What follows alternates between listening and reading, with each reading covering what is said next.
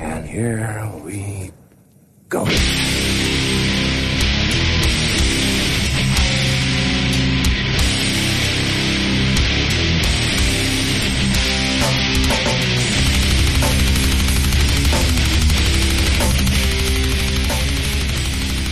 Alrighty, då är vi tillbaka ner på noll. Det efterlängtade avsnittet 182.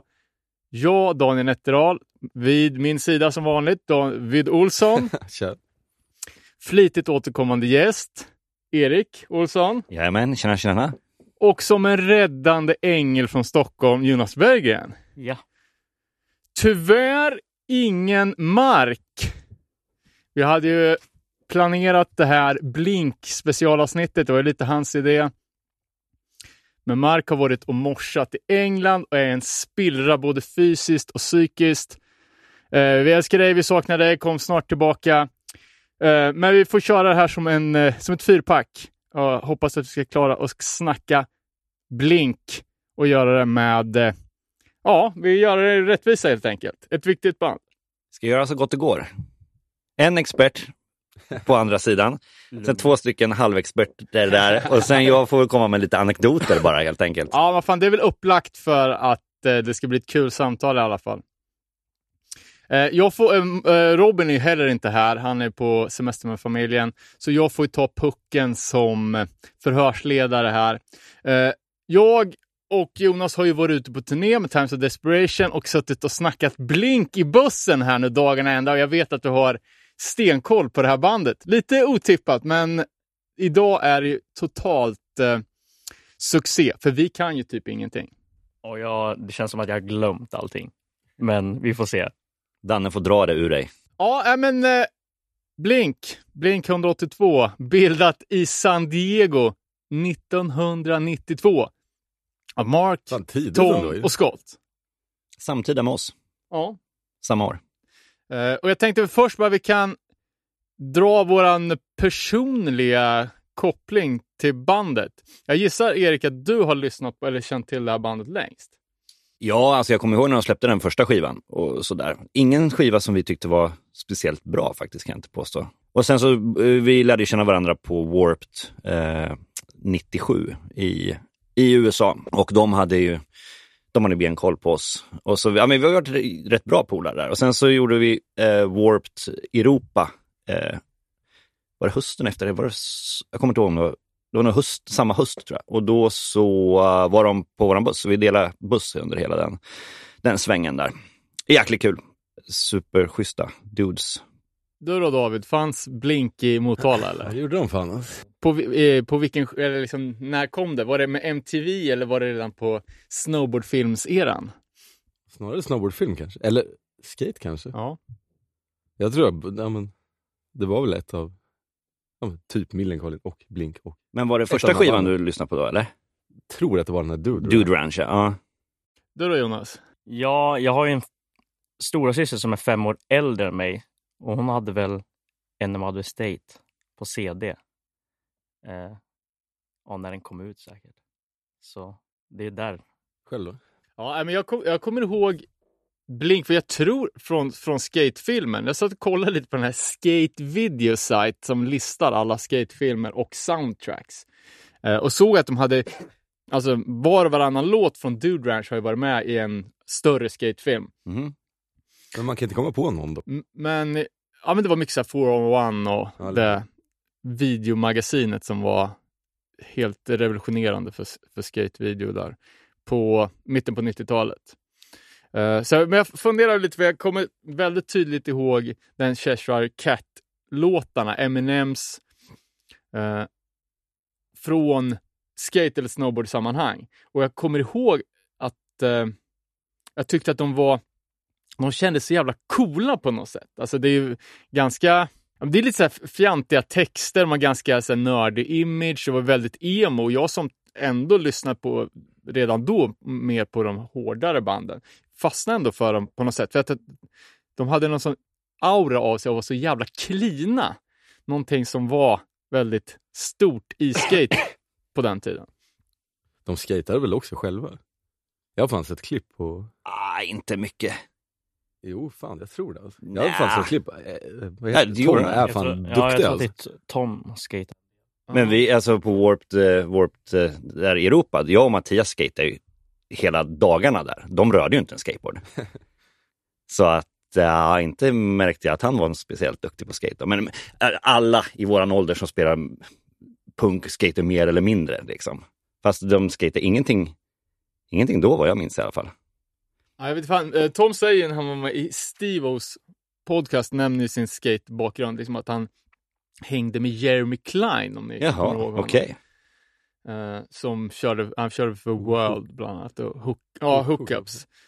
Eh, och ja, var ju ett, en av de bästa åkarna ett tag. Liksom. Jaha, hängde han med? Ja, det där är helt, helt news. Men det, som sagt, alltså alla i den åldern som man var, som alla band, åkte ju mer eller mindre skate. Liksom. Fast snackade ju liksom ingen skate alls med honom. Och då var det ändå, då var det ändå massa proffs med på den där turnén också. Så nej, de, de gjorde, åkte inte, rullade inte någonting. Dock säger han att, att, han, var, att eh, han var jävligt färgad av hopprampseran och att de var, Early var grabs. early grabs. Ja, okej, okej. Eh, så om, om man bara kan skata sånt och inte ha en hoppramp, då är man ju rätt begränsad i vilka grejer man kan göra. Ja. Dum fråga kanske, men 182, vad fan är det? Nej, Jag, jag eh, råkade bara snubbla på det. Det, var ju en slump bara helt enkelt. De, de hette ju Blink först och sen så vart de stämda för, för något annat band, eller hotade att de var tvungna att byta och då fick de lägga till 182. Men det, jag tror bara att det är en helt random taget någonstans ifrån. Det stämmer. Det finns väl flera, Efterhandskonstruktioner kanske. ja, från folk som har kommit på egna. Teorier. Ja, Ja, men jag tror att de själva har sagt liksom att det bara är random. ja. Den ligger ju bra i, i munnen. Ja, det har ju jobbats in till ett household name nu i Mm. alla fall. Ja, jag kommer ihåg eh, min kompis Daniel Harasti hade ju CDn på den tiden innan de, de la till 182. Ja, för första skivan är väl släppt som bara Blink, va? Eller? Ja, precis. Ja. Och på första tejpen så tror jag det stod blink med utropstecken också. Okej. Där kunde de nästan komma... Alltså. Blink med utropstecken, det, kunde de ju klara sig med också. Ja, för det kanske var upptaget där med. Ja, vem vet. Eh, jag vet att den där eh, blink-CDn sen eh, utan 182 vart jävligt rare. Eh, och att min svåger, även känd som Burken, skulle försökte sälja den på en Facebookgrupp för 20 spänn innan jag stoppade honom. Så det här är, behåll, behåll den. Det är, det är bra att ha. Men jag kikar lite på, på bandets tidiga era och det är ju alltså det är ganska allmän opinion om att de inte var speciellt bra i början. Jag tycker att de gamla låtarna är, är nice, men de släppte tre mer eller mindre demokassetter, varav den, den tredje är väl egentligen ett, ett helt album.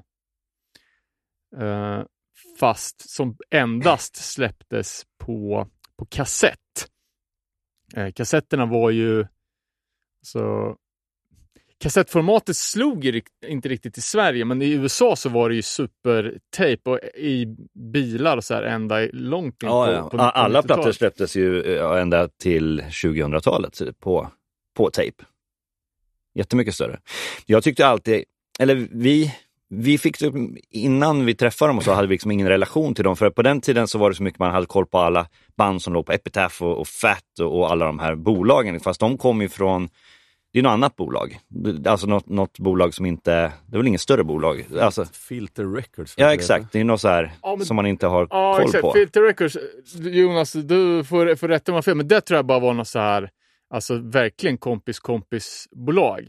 Eh, och de släppte en, en demo själv eh, under ett bolagsnamn, men ett bolag som inte... Ja, måste kalla sig någonting helt Exakt, enkelt. KGB ja. Records ja. Records. Korv Records.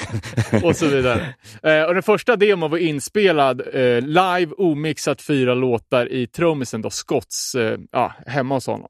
Men, men några av de låtarna är fortfarande, eller hängde med på de senare releaserna, till, som heter Rebook Commercial till exempel. Som tror jag hängde med på alla de tre kassetterna. Och jag läste på, på Reddit i, i någon tråd om den här demon att det, bara, men det är fyra låtars. Men sen lyckades jag ändå hitta en, eh, en YouTube-länk på det här och då är det helt plötsligt åtta låtar. Uh, och de, kassetten avslutas med NoFX Longest Line-cover och Freak Scene, Dance Junior-cover. Och jag tänker på att det knyter ganska bra ihop liksom, hur, alltså bandets influenser och typ lite hur det lät. Ja. Klar liksom skatepunks eh, vibe redan från start, men ändå lite så här indie-emo-grej. Väldigt San Diego faktiskt. Flera band som liksom har deras sound mera liksom nere från San Diego. All right. För jag, jag försökte komma på något band som, som lät eller som låter så, men det är, jag, jag kom inte på någonting faktiskt. Men lite så här, Homegrown var väl lite åt det här hållet. Och eh, ja, men det är flera band man lirar med från San Diego hade det man kan verkligen särskilja de här olika städerna i Kalifornien, tycker jag. Och San Diego blir, det, det är ett visst sound tycker jag, Någonstans som verkligen Blink, Blink är. Har du något, Jonas, annat band som har samma sound som tidiga Blink? Jag är väl mer så här, jag hittade Blink och sen blev det inte så mycket annat. Fast det rann väl över mer till deras influenser, typ eh, Descendants och NoFX Ja. istället.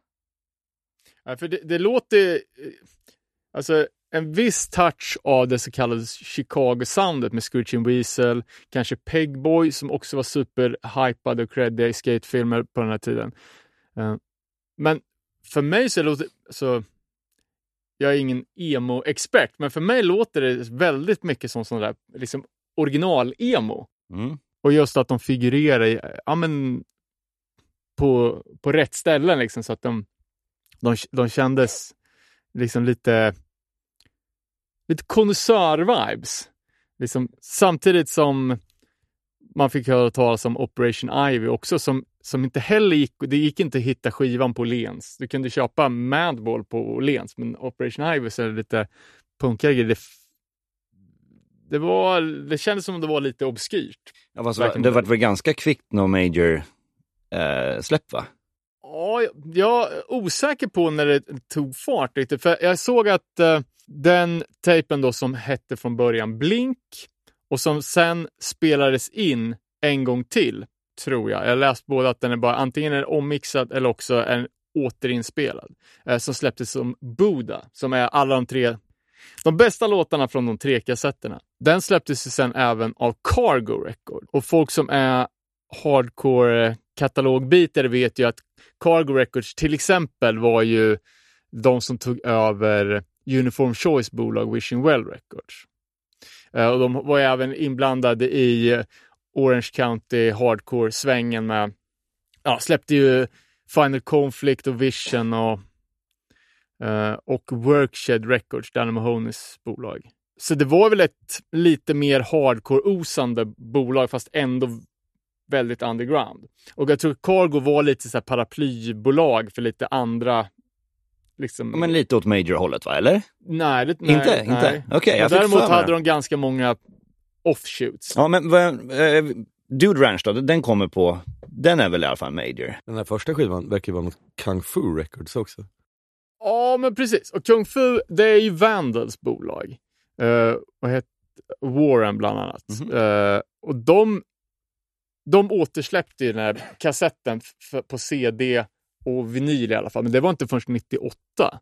Och Kung Fu, ja, det var väl... Har ni spelat med Vandals? Ja, det har vi gjort. Är de konstiga eller? Nej, de var liksom lite äl- äldre bara. Uh, men vi har gjort flera spelningar med dem. Nej, det, alltså...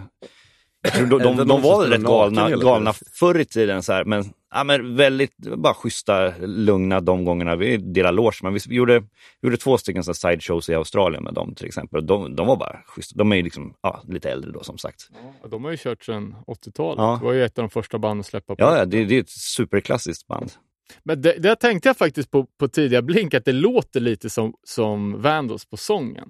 Mm. Just det här lite nasala, ganska ljus, high pitch. Liksom. Ja, men de, de, där, de är ju jättestora de där banden för, för många band som bildades på den eran. Liksom Vandals, TSOL och, och de där banden. Det, det var ju som vi liksom har Asta Kass kanske. Liksom. Ja, Så, men- så det är ju, ja, alla har ju hört dem och, och de är väl lite utav grundare utav den, utav den moderna genren utav Californian punk. Ja, och jag tror att Kung- Fu Records var väl ett... Det var ju ändå ett riktigt bolag. De har till dags datum över 400 releaser.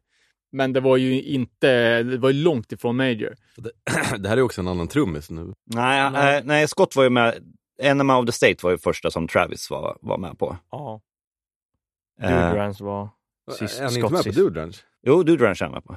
Nej, nej, inte Travis, utan Scott sp- spelar Ja. på Dude Ranch. För när vi gjorde den där turnén, vi delade buss, då hade de med sig Dude Ranch på vinyl, som de även glömde två stycken lådor, lådor av den första pressen.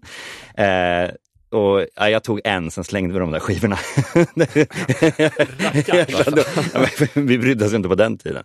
Men då vet jag att, för det första så, Scott han höll sig lite för sig själv. Liksom Mark och Tom var ju som två bröder och liksom de man pratade med. Scott var lite tyst utav sig. Och eh, ja, de satt ju, i backloungen satt de och, och spelade, de släppte ju en jullåt. Vet du det? Jaha. Där, precis där. Den satt de och skrev i backloungen där. Och då vet jag att Scott knappt var involverad. Sen var det ju, eh, varför Vad, han, vad är det för jullåt? Ni får kolla upp det, jag kommer inte ihåg det. De Det släppte blir jul... ju julpunk avsnitt nummer två här. Ja, jag vet att de snackade om det och den, den tror jag skulle släppas rätt stort. För de ju även, vi var lite så chockade över Blinks. De var ungefär lika stora som oss på den här eh, USA-svängen. Sen började det verkligen hända grejer för dem tills den här Europasvängen. För att jag vet att Tom, vi hade bunk precis bredvid varandra, han låg och kollade på liksom, hus han skulle köpa. Bara, Va? Alltså, vi var inte alls på den nivån. Liksom. Kan du köpa hus? Ja. Så liksom, han kollade på hus. Sen hade de även med sig en manager också. Och det hade ju inte vi på den tiden. Så de kändes verkligen eh, på gång som att det skulle bli någonting stort av dem. Sen så Scott, han, eh, han vart ju dyngrak någon gång och sen så började bråka med sin tjej och sen så hoppade han ut från tredje våningen på något jävla hotell och bröt foten. Oh, ja. Och då eh, kunde inte han spela, så fick han sparken och sen så kom Travis in. Okej, Nej, för det, det, det. det, pratas ju lite om, om att Scott skulle ha fått kicken eller slutat på grund av alkoholism. Liksom. Ja, nej men alltså han var ju, han var ju tvärlugn i bussen och så, men, nej, men det, det, det var någonting med hans, med hans tjej som det vart något bråk och sen spårade och han hoppade ut. Och det, här, vet- det här har ju de själva berättat, så det här är ju sant. eh, så ja, så då passade de på att sparka han där när han inte kunde, inte kunde spela med foten. För Travis kom ju från Aquabats. Ja, fan det trodde jag var värsta skatepunkbandet, men det var ju en ska-gäng. Ja, jävla första gången. Det var faktiskt första spelningen vi gjorde på Warp Tour eh, 97, var i San Diego. Första, första, första gigget. Och vi spelade på en, en mindre scen, två stycken mindre scener som var nere vid vattnet. Och då spelade Aquabats innan oss. Eh, Jordens following i, i San Diego. Svinstora var de där.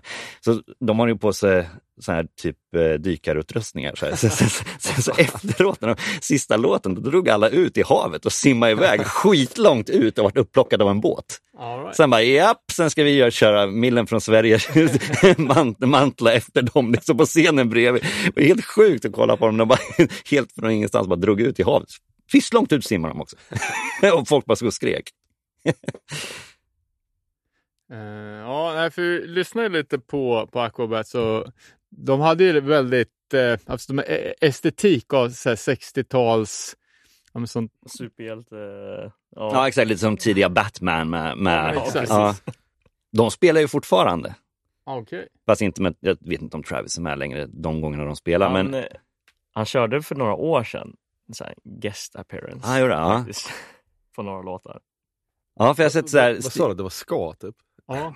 Men de, de är ju som ett riktigt kultband det där. Och Ja, men det är sä, så här särskilt San Diego. Sublime och sådana där band som är så dunderstora lokalt. Känns som att det är... Sublime är ju mega i hela USA dock. ja, det. lokalt Men, ja, USA. ja, ja. Eh, ja, men särskilt San Diego. Och, och alltså, det är ju så här supermycket humor, det är ett humorband. Ja, ja, liksom. men de har ju väldigt plojiga texter. Ja. Liksom. Kommer inte ihåg vad fan var pool, pool party, cool party rim. Liksom. Mm, Ja. mm. Eh, Grymt. ja, är grymt. men det känns ju också som att eh, fan, likadant som jag tyckte att tidiga Blink hade någon sorts ä- ära av av- att vara jävligt eh, fresh och clean liksom, så, så känns det som att Travis kom in och var helt plötsligt svintuff och den här Chicano-stilen som han applicerade senare. Men eh, Det här bandet kör dunderplojigt Aquabats och ett, liksom ett... Ja, men de var ju Fjantigt de var ju, skab- de var helt utklädda på scen. Alltså de har ju, de har ju någon sån action, eh, så här gammal Batman-liknande Ja. action-utstyrslar på sig. Eh, Men på det som då brukar kallas för den första pla- plattan, Cheshire Cat, som ja, fan kom ut 95 tror jag. Den är inspelad i eh, West Beach. Va, är den? Ja. Jaha. Tre dagar med, eh, med Brett i West Beach. Va? Har Brett spelat in den? Eh, ja, det tar jag för givet. Det är hans studio. Ja, men det kan vara Ja, Donald, en Don, Donnell. Cameron kan ha spelat in det Ja, också. okej. Nej, jag tror, det där måste ju nästan googlas. jag tror inte Brett har spelat in dem. Eh, vi, eh, vi googlar. För i West Beach, det, det är alltså West Beach Recorders, samma ställe som vi spelade in Penny Bridge Pioneers. Och alltså våran drömstudio var ju där. Det var ju så mycket legendariska Epitaph-band som har spelat in där, så det räknar ingenting. Och den ägs ju då, eller ägdes utav Brett och tillsammans med Donnell Cameron. Vad är Fa- det för dude? Bara Eh, studiosnubbe? Ja, mer eller mindre. En, en, han lite liksom Bretts eh, slav där inne när vi spelade in i alla fall. Han liksom fick springa och, och hålla på och ja, men, Brett styrde lite över honom. Så här. Okej. Men, han, men Donald Cameron har producerat mycket själv också. Så han var ju också ett namn som vi tyckte var helt magiskt innan vi drog dit. Väldigt trevlig liten dude. Eh, det verkar vara en Otis Bartolomeu. Jaha, som, Okej, som spelade in i, i West Beach alltså? Ja. Ja, Cheshire Okej, Cat. okej. Ja. De, de kanske bara hyrde studion, helt enkelt. Det, jag tror det var en rätt billig studio. eh, Är det dåligt ljud på den? Ja, jag vet inte fan. Lite lo-fi snyggt tycker jag.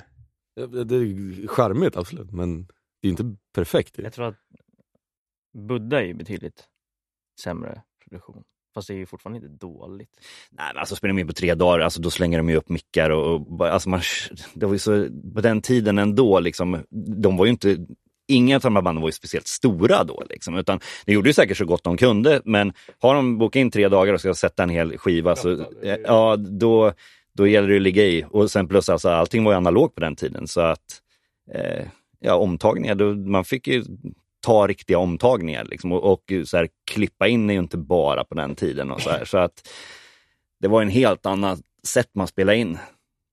Vi gjorde ju några klipp alltså, på Pennybridge Pioneers, riktiga klipp, alltså skar i, i tejpen. Ja, det är sjukt. Donald Cameron är svinduktig på det.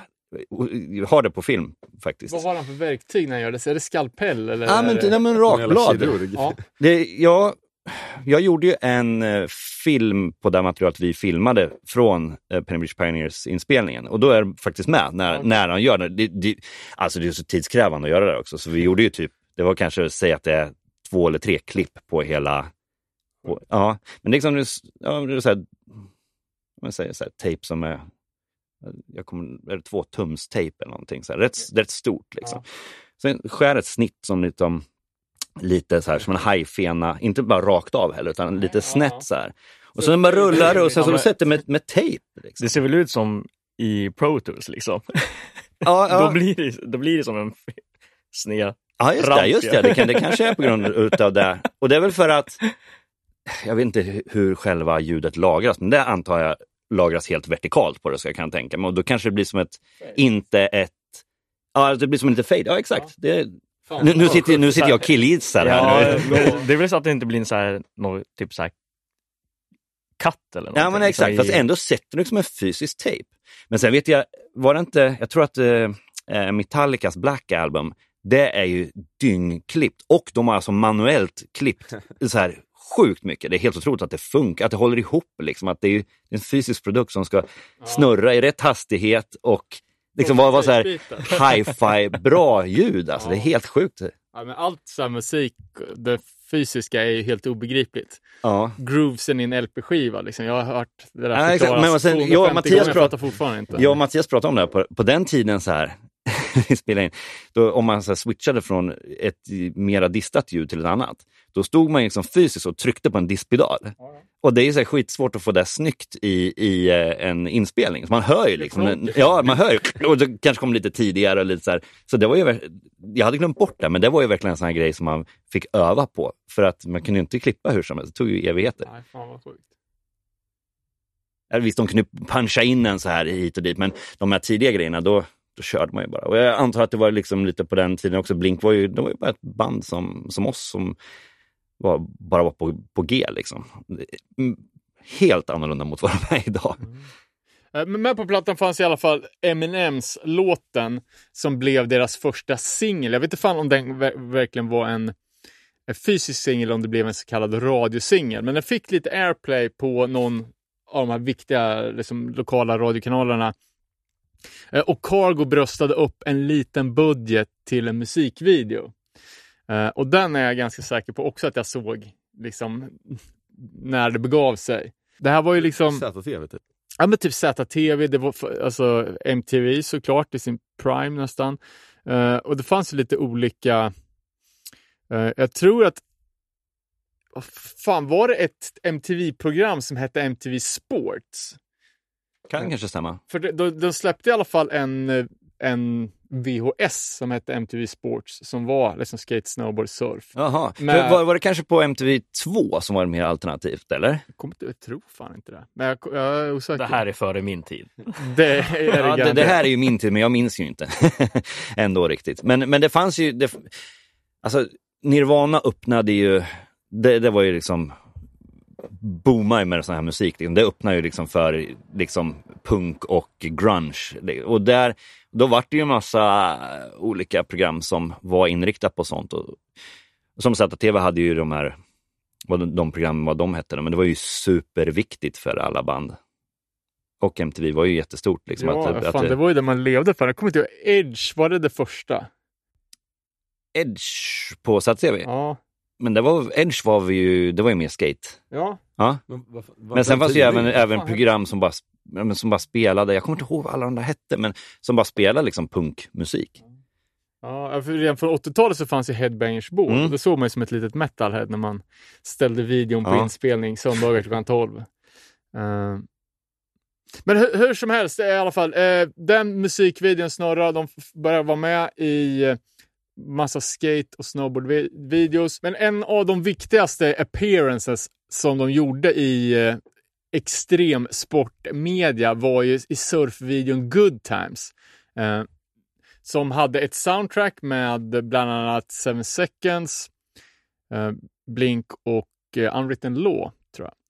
Eh, och till... Där, där har du en duktig, han sångaren är riktigt bra på skate. Vi skejtade Ah, right. Burnside tillsammans och han, han var ju jäkligt bra på skate faktiskt. Ja, jag kommer ihåg att era upplevelser av Burnside var lite av en besvikelse. Ja, det första som hände var ju att vi gled ner där. Då, då gjorde vi Unwritten Law. under bron, eller hur? Ja, exakt. Legendariskt Vi, DIY-ställe. vi, det eh, ja, vi, vi Unwritten Law eh, öppnade för Lagwagon, det var vår andra USA-turné. Och sen så Portland, eh, det området vid Burnside, är ju, alltså det är ju jätteskumt område med, med liksom strippbarer och en öppen narkotikaförsäljning om så mycket pundare. Jäkla risigt område. Och sen så glider ner där. Det första som händer är att man trampar i en mänsklig bajskorv. Precis när man ska hoppa ner. Det var ju en bra start. Och sen så ligger det där, det är vatten där, så det blåser ju in vatten. Så det blir, den är snorhal den där parken alltså.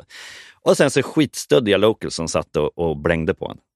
Det var, Plus att det verkar vara jävligt svåra. Nej, det var skitsvårt. vi, vi var ju usla på att skata. På den tiden skatade man liksom inte betong i Sverige. Nej, men överhuvudtaget. Svenska street dogs liksom. Ja, kommer ja, ja. till fan böj-mecka. Ja, och var så litet och tajt och brant. Ja, det var hemskt. Fast han kunde ju dock eh, skata ganska bra där.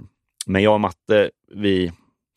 Det var, inte ett, det var ingen höjdpunkt, höjdpunkt i våra skateboardkarriärer. Ligger Habba Hideout också där i kroken? Eller? Nej, för fan, det ligger ju... San- Det är, det är, San, det det är San Diego. Francisco. San Just, Francisco. det, just det, för det kommer jag också ihåg att ni var besvikna på. Ja, ja, exakt. Vi, vi, Superhög och jättekort. Ja, det, vi gjorde ingenting där. Men vi, vi gjorde en, det var faktiskt när vi spelade den där eh, Warp-turnén 97. Då, för då spelade vi ner, Pier 7 ligger ju precis där också. Ja. Där lyckas vi bli tagna av snuten. och sen så ligger EMB ligger bara en bit bort och sen så Ja, ligger jag Liksom, allt det där ligger ju, det, är- det är liksom skateavstånd mellan. Så var, vi körde ju total skate-turist-grej där. Och lyckas, alltså så sjukt när vi blev tagna av, av eh, snuten där. För helt plötsligt så, locusen är ju så vana. Helt plötsligt bara, vart är allt folk liksom? Så, bara, whip, så kom ju snutbilen och tog oss. Bara svenskkortet fungerade. Ja, okej. Ja. Det blir inget. Nej, ingenting faktiskt. skata, eller? Ja, man får, ja exakt. Alltså det är liksom, om ni vet, Pier 7 där, det är ju det är massa curbs. Helt perfekta curbs och några små trappor liksom. Och det var ju, alltså det är så mycket skater där, det är ju som en skatepark liksom. Men så gör väl snuten en, en liten räd då och då. Och, och dumma turister fattar ju inte det där såklart.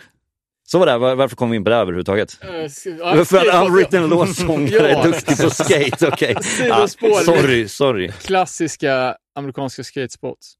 Eh, Men till den här då, soundtracket som släpptes så gjordes det en turné. Eh, Och när turnén skulle sticka iväg på sitt australiensiska ben så hade inte Blink pengar nog för att följa med. Och då gick Pennywise och framförallt Fletcher in och betalade flygbiljetterna. Jaså?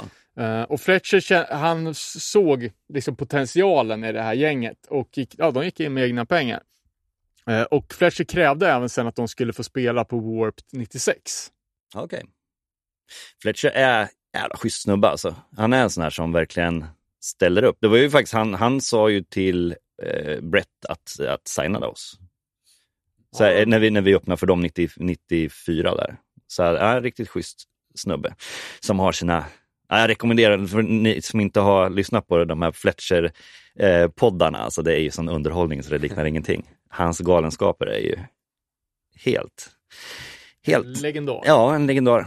Men du, det var aldrig något snack om att, eh, jag tänker för Burning Heart hade ju ändå ögonen på Green Day väldigt tidigt, bokade dem till Fagersta långt, långt innan de var kända och det Mm. var inget snack om att Blink skulle plockas upp på Burning Heart. Nej, men som men sagt var, de, figurera. de, jag är nästan lite förvånad att Fletcher var involverad där. För då borde han, för Fletcher var en sån som drog in band till Epitaph. Ja. Han älskar ju Brett, de var jättebra kompisar. Så att eh, för Blink kändes som att de var ja, mindre skivbolag, så det kändes inte riktigt som det var eh, samma anknytning. Men Nej, men alltså det pratades ju om, eh, eh, jag vet inte om det var innan Dude Ranch eller om det var efteråt, att eh, eh, Epitaph var ju ett av förslagen av, av bolag ja, det borde, eh, borde ju vara att, såklart. att jobba med, men att de sen valde då MCA. Och det är väl mer en major historia? Ja, Ja, jag tror att Dude Ranch släpptes på via Cargo och MC. MCA. ja just det, det, Ja, det ja, då, stämmer. var det, då var det redan innan som, Mm. som det var Epitaph var på tapeten. Och det står även, kanske i lite förskönande ordalag, att det var besvikelsen över att inte jobba med Epitaph som var Scotts, såklart, liksom favobolag. Som också gjorde att, att eh, han ville dra sig ur bandet. Men det kan ju också vara en förskönande... Nej, ja, jag vet inte. Han, han, han, det känns inte som han, han var rätt tyst utav så inte hade så mycket att komma. De andra två är ju två utåtriktade, svinroliga, kul snubbar. Men alltså, han var ju en tyst snubbe som inte sa så mycket och bara hängde mest för sig själv. Så att eh, det var nog väldigt bra för, för alltså få in en stjärna som Travis. Liksom. Det gjorde ju säkert Ja, enormt för, för hela intrycket utav det här bandet. Imagen. Ja. Imagebyggande. Ja. För- jag kollar lite liksom snabbt på Blink-diskografin och det är jävla massa olika bolag associerade. Försökte liksom få lite överblick över strukturen och MCA ägs ju tydligen av Universal. Så att det är liksom en major-etikett under Ultra Major. Ja, ja men alltså, som sagt, de hade ju en manager med sig som var väldigt business. Ja. Eh, och sen såg jag att Dude Ranch, den, den släpptes ju eh, då lite semi-underground, samarbetet med Cargo, men den har ju gjorts i lite olika pressar nu under årens lopp. Eh, jag såg även att Buddha släpptes för ett par veckor sedan igen på LP under ett indiebolag. Eh, hur, som helst, att Geffen en, även var med på, på tåget och gjorde en testpress på Dude Ranch vin- vinylen. Okej. Eh, Men den kom aldrig ut i skarp produkt. Alltså det är lite intressant vilken press jag sitter på där hemma. Ja, Eh, det är ju ja. spännande. För det, Eh. det är ju alltså, det var de bar ju fysiskt med sig. Sen när de flög hem, så de orkade inte ta med dem där hem. Så var det ju våran buss. Så vi hittade dem där, men som sagt var, de, de slängdes. Ingen brydde sig om vinyl på den tiden heller. Det var ju liksom det, CD var ju the shit. Bara. Ja, ja, vinyl, jag hade ingen Ja, men, skivspelare. ja, just det, liksom att när den återsläpps. Fast jag har en, alltså jag har ju en kvar, ligger oöppnad. Är det pensionsfonden som ligger där? Ja, vi får, får, får kolla på, på Discogs.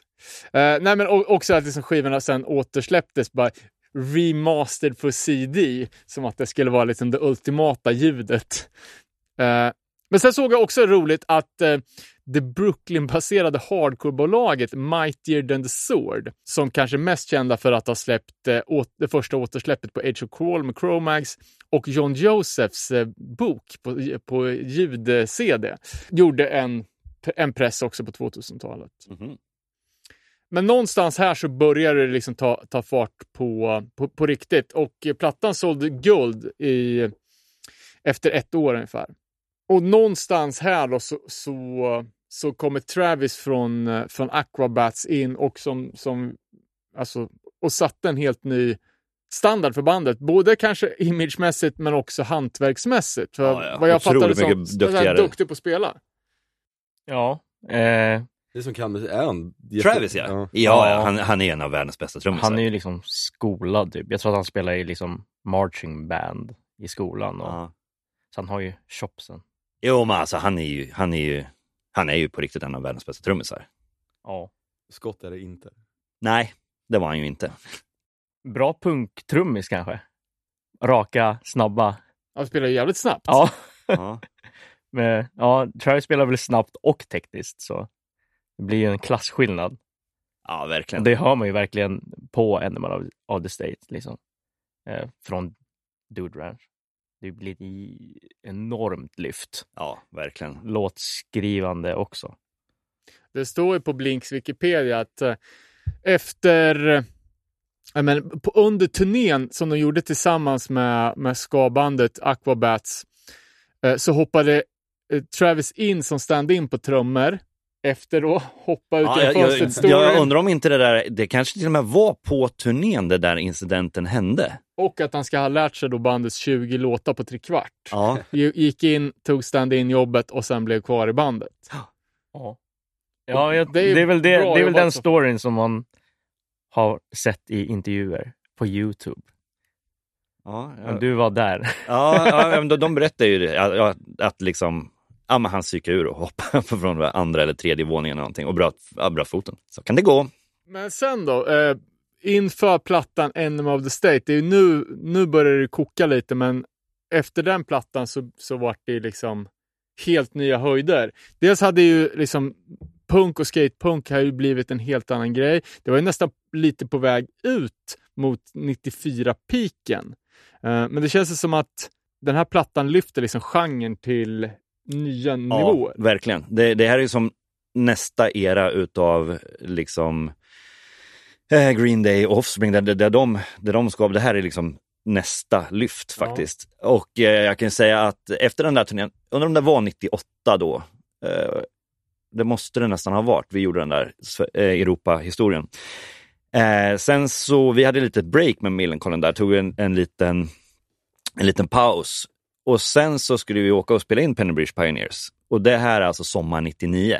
Och när vi landade där på flygplatsen och åkte in så slår man alltid på K-Rock på, som är den största kanalen. Och alltså de bara blasta med, med Blink. Och på den tiden var det ju liksom, det fanns ju inte, inget spreds ju över internet. Liksom. Så, alltså de var ju hur stora som helst. Och man var ju billboards på Blink. Ja. Vi, vi fattade ju ingenting. Det var ju, vad är det frågan om?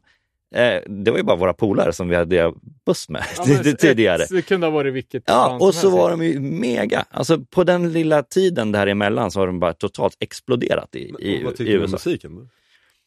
Nej, jag vet faktiskt, vi var sjukt imponerade när NMA och The State kom, för vi tyckte det var så mycket bättre än, än Dude Ranch, vilket vi inte tyckte var så jäkla bra än, ändå. Liksom. Då- Låten Damn It var, ju- var ju bra. Nicolas spelar bas med dem på scen. Jag tror att de har kort på det faktiskt, när, han- när han spelar bas med dem på scen. Bara. Och det, Och så därmed blev ju lite av en hitlåt. Ja, Det är en jävligt bra låt också. ja men den, den, är, den är skitbra. Och- Ja, Ja, det, det- var ju våran favoritlåt då. Men sen så, ja men liksom humorn och eh, vi vart ju sjukt impade på, på Enemy of the State där. Alltså det var ju verkligen eh, en, en helt annan nivå än vad det hade varit innan.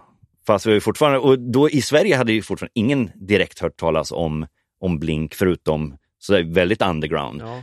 Eh, Jag tror de hade ju med låten Matt på, eh, eller i American Ja, det, Pie-filmen. det har varit ju och de jättestort var, ju också. med, Ja. de var ju med som en cameo i den filmen också. Okej. Så det måste ju ha hjälpt den internationella Ja, verkligen. Ja. verkligen. Och den där American Pie-filmen, alltså det var ju eh, varenda amerikan kollar ju på den. Det är ju, det är ju alltså riktigt stora filmer fortfarande. Varenda svenska också antar jag. Ja. Eller alla också. Eller? Ja, bra, bra utav deras, det är ju 100% deras management där som styrde upp. Alltså han var ju väldigt driven då redan då, så han, han fixar ju in de här vägarna. Och sen i USA så är ju som K-Rock och de här college-stationerna är ju jätteviktiga. Såg jag även att eh, de hade alltså, toppat line-upen lite inför Enemy of the State också och tagit in Jerry Finn som eh, kanske inte var en mainstream-stjärna men som ändå hade gjort många av de starkaste punkalbumen, till exempel Outcome the Wolves och Green Day Dookie. Mm. Som Jo, han, men som han, han var ju en stjärna. Men sen Mark Trombino spelar ju in Dude Ranch tror jag. Och han är ju också en... Okej, jag vet inte En- vad, vad det är för... Eh, Ja, vad spelar han? Han spelat... Har inte han spelat in... Mycket Jimmy Eat World. Exakt. Jimmy Eat World. Eh, MXPX spelar han in. Eh, det, sam, han spelade in MXPX samtidigt i Hollywood när vi spelade in Penny Bridge Pioneers. För vi var ner, Nicola är med och sjunger på en MXPX-låt. Så var vi nere i studion med Mark Trombino och MXPX. Och så Nicola och Brett la väl eh, några, några meningar på, på där. Och, och han jobbar i en råfet studio. när vi kom från West Beach liksom som Eh, det var liksom, där de spelade in var en sån här dunderlyxstudio. Så man vet, man tänkte, ja, här kommer B-teamet och åker ner till, till, till dem. För, för West Beach ligger på Hollywood Boulevard och sen så liksom åkte man ner till, det var ner mot Melrose, ett jättefint område där, där det där låg. Okej. Eh, Men det stod ändå att trummorna var inspelade på åtta timmar. Så det är ingen Metallica-process. I alla fall inte på trummorna, men det kanske han, var är för att väl han var så jävla han är väl så jäkla bra Ja, säkert. det behövs nog inte. Ja, men det, det är nog så. För då tror, det, det tror jag de har tid för omtagningar till, till den. Om de har sålt en och en halv miljon av Dude Ranch så, så tror jag man har råd med studiotid så att man sätter låtarna i alla fall. Nej, men det var nog rätt stor budget på den där kan jag tänka mig. Med tanke på lanseringen. Jag menar, det var ju precis när vi kom in där, skivbolaget trodde ju enormt på den eftersom de var ju på billboards överallt. Det var ju liksom, det måste varit en marknadsföringsbudget som var grov alltså. Ja, men det är lite intressant liksom att de gör den satsningen då i, i och med att Blink var liksom förgrundsfigurerna. Annars är det lättare att satsa på ett, ett koncept som redan snurrar. Mm. Men det var, och sen var det samtida här också, vi hade ju spelat med, på den här Warp-turnén så var det även Limp Bizkit med och spelade på de här små, små scenerna. Liksom. Och det var samtidigt där också, enorma i USA. Vi bara va? Vi tyckte de var rätt kassa liksom, från, från Jacksonville. Eh, tyckte det var liksom lite hillbilly eh, crossover där. Och sen så bara, vi, vi, till och med, vi delade till och med merch, eh, merch-tält med Limp Bizkit. Samma snubbe sålde åt, eh, åt dem som oss. Där Ha, första. hade de bra merch? Jag minns inte deras merch. Eh, jävla shady snubbe som Ig, Iggy, tror jag, Izzy eller någonting hette han, som, som sålde. Det var inte vår egen kille, utan det var väl någon som var med på turnén då och sen så sålde åt Limp Bizkit oss i samma tält. Men var det på Warp Tour? Ja, det var Warp 97 fortfarande. Och, och det, var, ju- det var ju då vi träffade, det var då vi var polare med, med Blink. Det var rätt kul också för att vi träffades var, eh, vi spelade på någon, eh, det var några dagar in, så man spelade på någon idrottsplats. Och så var det såna här eh, duschar, var det såna här omklädningsrumsduschar med massa duschar. Och då stod Nick och duschade där. Och sen så vet jag att han sa att fan, de jävla snubbarna man gick runt och så var sjöng de Bullion bakom mig. Så här. Alltså, Han var liksom irriterad, lite irriterad på vad fan har de på med? Liksom, tissla och tassla, Mark och, och Tom. Då. och sen så samma kväll, eller eftermiddag, så stod vi i någon matkö där. Det är ju som eh, Warp, det är inte en lyxig turné, alltså på, särskilt inte på den tiden. Man, det var ju som en fängelse eh, mat, liksom. man fick en sån här bricka med olika hål i. Så fick man, det som ett kollo. Ja, ja men det var ju det. Det var ju det roligaste turnering jag någonsin har gjort. Det, det ja, totalt jävla punk-kollo faktiskt. Nej, och då, då kom Tom fram till mig och Mattias och sa, Fan förlåt, jag har sån jävla ångest, jag, jag tror er sångare är förbannad på oss. Så berättade han, alltså, berättade han att han gillar vår platta jävligt mycket. Sen från då så vart vi riktigt bra kompisar på, på de där turnéerna där. Sen har vi ju tappat det nu för tiden, sen de blev jätte... Vi, vi har spelat många gånger med dem efteråt också, men nu är de... Ja, vi kan komma till det sen, senare. Fortsätt, Danne. Ja, äh, men eh, allmänt intryck av eh, Enema of the State. Det, det är ju en skiva som jag gissar att alla som lyssnar på den här podden har hört den skivan, vare sig man vill eller inte. Rent ljudmässigt och liksom låtmässigt så är den i, det är en väldigt bra skiva. Så det, går inte, det går inte att förneka då, hitpotentialen tycker jag. Det är noll fillers. Ja, nej, det, är, det, är en, det är en helt sjuk... Det är en ikonisk platta. Eh, men vad, vad tänker vi om eh, liksom, produktionsvärdet och lite så här, te- teknik? Hur, hur man jobbar med, med, med sång och... Ja, alltså. Nu var det ju ett tag sedan som jag lyssnade liksom regelbundet på Blink, men när jag startade liksom mitt första band, det var ju poppunk. Och det var väl egentligen den plattan som vi hade som referens i soundet vi ville ha. För att det fortfarande låter liksom, ja det är ju, den är ju inspelad, eller den kom ut 99 i alla fall. Så att det, man hör ju att det fortfarande är liksom en liksom riktiga instrument om man säger så. Som kanske inte är jättelätt att få till i liksom sovrummet när man är ja, på 2010-talet. Eller hur man säger.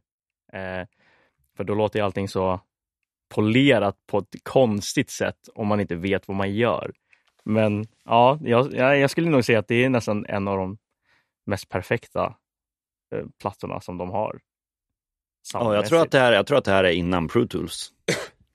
tror jag. Ja, Eh, i alla fall på gränsen. ja, den är precis på gränsen där. För jag, jag vet att det, i, i studion, Brett håller på och snackar om, om att liksom det var på gång med, med att spela in på dator. Och det var ju science fiction då, egentligen på den tiden för oss. Det är klart det gick att spela, men När, alla, alla, när spelade ni in första gången på dator? Ja, det måste ju varit skivan efter, det måste vara Home from Home som vi spelade in 2001 tror jag.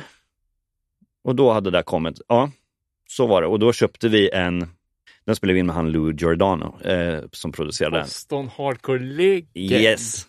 Och han instruerade vad vi skulle köpa, för den spelade vi in vi spelade in halva i våran studio och sen så halva i en studio i Stockholm. Visst var det så? Ja, eller också gjorde vi Ja, för vi, vi köpte, alltså han instruerade oss vad vi skulle köpa för Pro Tools-system till våran studio.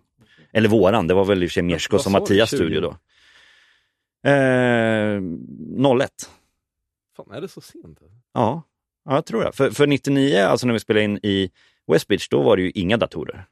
Och jag vet inte, jag vet inte om MX, när vi var nere där till MXPX, det kanske var någon dataskärm där i och för sig. Men det är, alltså, det är runt den där tiden i alla fall. Det kan ju ha funnits, men det är inte säkert att det var bra. Nej, men exakt. För, alltså, vad som hade kommit var ju eh, Autotune hade Det kommit hade precis då. Ja, för vi använde ju det till och med på... Ja, okej. Eh, Brett experimenterade lite med Nicolas sång. På vissa ställen, det är till och med några riktigt fula autotune-grejer som han justerade liksom Ja, okej. lite som... Det låter liksom inte bra, men det- alltså... För För, det här- ja, han, han hade köpt in, undrar vilket system han använde det på, om det var... Undrar om det var typ en rack-effekt då? För jag minns inte någon dator därifrån i alla fall. Ja, intressant. För jag hör- hörde någon, eh, någon intervju eller någon podcast, de snackade om det och just att det här var eh, pre-autotune. Ja men det kom precis då. Mm. Alltså, han hade ju köpt, han var ju så här prylgalen Brett med- att köpa grejer. Så Ja. han ville väl testa det. Så vi var en liten försökskanin på att göra det. För det är några grejer som inte är så snygga. Om man lyssnar på Penelope Pioneer så är det på... Han, Har du något konkret exempel? nej, jag kommer inte ihåg när, var, jag kommer inte ens ihåg vilken låt det var han gjorde där på ens. Han använde väl mer som en effekt liksom. Det, sången var ju redan lagd. Ja. Så jag, jag kommer inte riktigt, eller om det var någon kör eller någonting som han justerade, liksom, han experimenterade lite. Freestyle. Enemy of the State är pre. Autotune. Autotune. Ja. För att sången låter ju ändå rätt proddad. Ja, men det kan, det- alltså som sagt, det hade ju kommit, det hade ju kommit då i alla fall. Skivan var väl, för skivan hade ju släppts när vi, den hade ju släppts när vi spelade in då var det ju full on i hela LA var ju Blink-182 då. Eh, så de måste jag spela in den. Måste jag spela in den säkert slutet 98 eller sånt där. Ska jag kunna tänka mig. Eller? Ja, de måste ju ha börjat. Då, ja. Ja, för att på den tiden så var det lätt, eh, lätt minst fyra, fem månaders setup med, med marketing och så vidare och pressa upp och, och hit och ifrån från att skivan är, är klar. Men här står det att de spelade in trummor 99, januari 99. Okej. Ja, det är sn- snabba bud där alltså. Mm. Ja, januari och, och, och vi började spela in skivan typ mitten av juli och då var det ju billboards överallt. Så på den, ja, sex månaderna där så var det ju, Otroligt. Analogt snabbt. också. ja, ja men det, det är snabbt. På Burning Heart så hade man ju, jag kommer inte ihåg, ja men kanske i och för sig var, hade man fyra, fem månader på sig. Från, från det var inspelat till, till släpp här för mig. Ja, men det var inte så länge sedan vi snackade om en annan skiva från den tiden som också var så här. Ja, du vet. Gick in i studion i april och skivan ute och klar i juni. Liksom. Så här, Mm. Otroligt. Otroligt. Fast just det här, alltså det, men på då den är det tiden... inte det- det så-. Nej, men exakt, för det, det är ju det som... Både har man koordinerat släpp på olika kontinenter. Vi släppte ju, den tiden släppte vi skivan först i Australien, en typ en månad innan. För det kunde vi göra, för då hade vi typ release där. För det spreds ändå inte till resten utav, utav världen. Och sen kom vi tillbaka så hade vi ett annat släpp i, i Europa. Och även USA. Alltså, det, det spreds ju inte. Alltså, och, och om det skickades en CD hit eller dit, det var liksom, gjorde ju ingenting på marknaden i alla fall. Så det var verkligen olika marknader. Ja.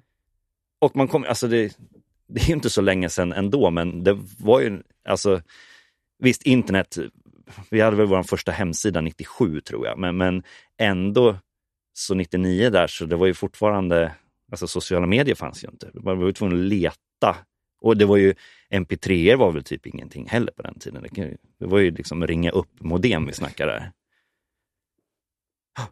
Så var det. Men det var ändå snabba ryck på en, på en major då och få till ett sånt där släpp, måste jag säga, utav Men Blink. Vad tycker ni om Blink-sången? Ja, men det jag ska komma till, det är det vi alltid har tyckt, så, alltså, att de har blivit så sjukt stora fast de inte har några starka sångare alls. De, alltså, de är väldigt unik sång, men det är ju inga bra sångare, någon av dem. Jag tycker Tom sjunger coolt. Ja. Ja. Skitsvårt för Mark att det är så mörkt. Typ. Ja, sen har ni lyssnat på några liveinspelningar ibland, Mark, han låter ju så illa så det liknar ingenting. Ja, det, det låter som att han verkligen kämpar ibland. Ja, och han är, så, han är så lågt Ja. tonläge också, han kommer ju inte Jag upp tycker inte någonting. det låter bra. Men, Nej, men de kompletterar ju varandra. På Ja, det, är- det är ju det de gör och får det här som, jag menar, inte Tim Lars direkt, men för det är ju liksom det bästa samarbetet ever, Tim och Lars. Det är ju, fast ändå så kompletterar de varandra. Det är schysst med två sångare som kan ta olika delar och, och dela upp sången. Ja, de är, ju, de är ju väldigt olika. Det var ju det som jag med de två blinkplattorna med Matt Skiba som jag har lite svårt för också. För att i produktionen så är deras liksom, röster, det är, de är så lika varandra. Så att ibland så hör man nästan ingen skillnad på eh, vem det är som sjunger. Det där har jag lyssnat på så sjukt lite. Ja, äh, nej, jag, som sagt, som jag sa förut när jag kom hit, det var liksom, jag, jag lyssnade i bilen och det är väl egentligen då, de här, den här gången som jag lyssnade igenom de här två plattorna Ja. första gången. Eh, Det är men- de två sista va? vi snackar Ja, om. de eller? två senaste. Ja. De har ju, ja, nu, Ja, sen de spelar de in en, ja. en med Tom nu senast. Ja. Men nu kanske vi pajar kronologin här, Danne, eller? Eh, ja, nej, men, jag tänker till exempel eh, Enema of the State. Tre extremt starka, återigen digitala singlar. Som, eh, ja, och eh, tillhörande videos. Alltså lyckade videos, alltså det är ju genialiskt. Alltså, ja, för fan vad vi garvar. Och sen så, som sagt, de är ju enormt roliga alltså, snubbar. De har ju superhumor. Så att, Men det är lite American Pie där också. ja men det är ju det faktiskt. Det, ja, American Pie är ju, det är ju fan Blink. De, det Ja, går ju hand i hand faktiskt, ja. hur, hur de är. Och deras humor också. Är ju, ja. Ja, men det är en jävla lyckoträff också att kunna koppla så starkt till ett filmfranchise som är typ det största, största på bio och sen ha, ha sin låt och hela sin vibe förknippat med det. Då Mm. blir det sån jävla draghjälp. Liksom. det är fullträff. Ja, det, det vart ju liksom, ja, men de är ju som ett, ett ikonband i amerikansk kultur från, från den eran. Ja, men just, du berättade lite, liksom, så, så här, vi snackade om avtryck, liksom vad de har gjort för Ja. kultur och, och Ja, lag. precis. Alltså, jag är ju född 92. Eh, och jag sa väl till dig, liksom, jag berättade om alla så här klädmärken och sånt de liksom har startat och haft. Och Atticus heter det eller? Ja, Atticus och Famous Stars and Straps. Liksom jag åt ju upp allt det där. Jag, var väl, liksom, jag gick väl på högstadiet när de klädmärkena kom till Sverige för första gången via Junkyard. Typ. Då köpte man ju typ allt man kunde få tag på. Eh, så det är ju, de har ju verk, verkligen en, liksom en image liksom, klädmässigt som i alla fall min generation liksom bara ville efterlikna. Ja, de var ju duktiga på att vårda det där, för att de tog ju som eh, ja, men skate kläder, skatekultur och gjorde musikkläder. Är det ju mer eller Ja, mindre. Alltså för precis. Atticus och de där var ju, det var ju inga skatare vad jag minns i alla fall som åkte för det, utan det var ju, det var Nej, ju men band. Däremot så att de hade många band knutna till Ja exakt, det var Mm. liksom, ja exakt, band var sponsrade utav det. Lik, ja, Fan, jag, tänkte, jag nästan tänkt att det var deras märke. Ja, det var det kanske inte. Start, Jo, startade Marco. Ja, ja, de startade och sen sålde de det tror jag.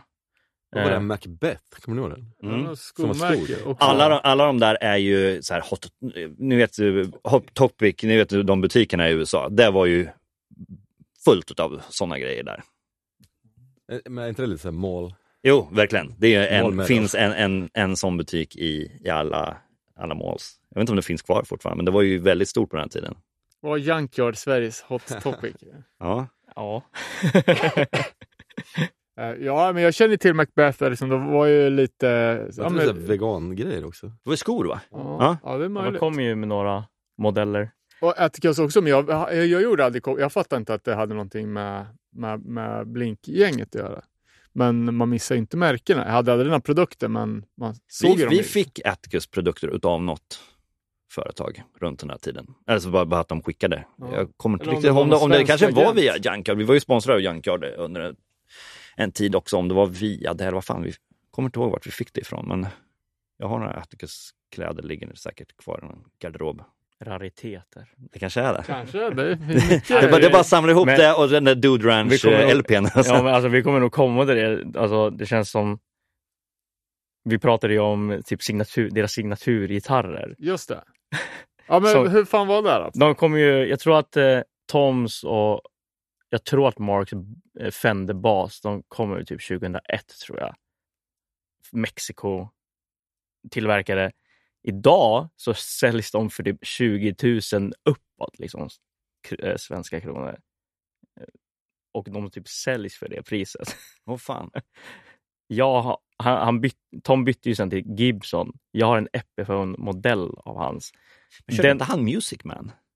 Eller, eller var det? Nej, det kanske Nej, var... det, ja, Mark körde ju Music Man ett tag Ja. där på 90-talet. Men sen, sen bytte han till Fender. Ah, Okej, okej. Och det var då också han fick eh, signaturmodell. Ah, ah. Eh. Men alltså min jävla Epiphone-gitarr, den kostar väl typ så här 3000 spänn när jag köpte den och den säljs ju för typ 15 000 idag. Så Var det bara för att det är hans namn? ja, det, det Ja, det är, de har lyckats. Ja. Och Gibson-modellen då? Ja, den går ju nästan eh, typ 50 000 plus. Djävulen. Man ska köpa sådana här instrument. Ja, Investera alltså, de, han, de körde ju någon, Tom körde ju någon utförsäljning av så här studioprodukter för några år sedan. Och då såld, hade han ju ett gäng liksom Fender Stratocasters som såldes för liksom 10 000 dollar. Som de försvann ju direkt när de lades ut.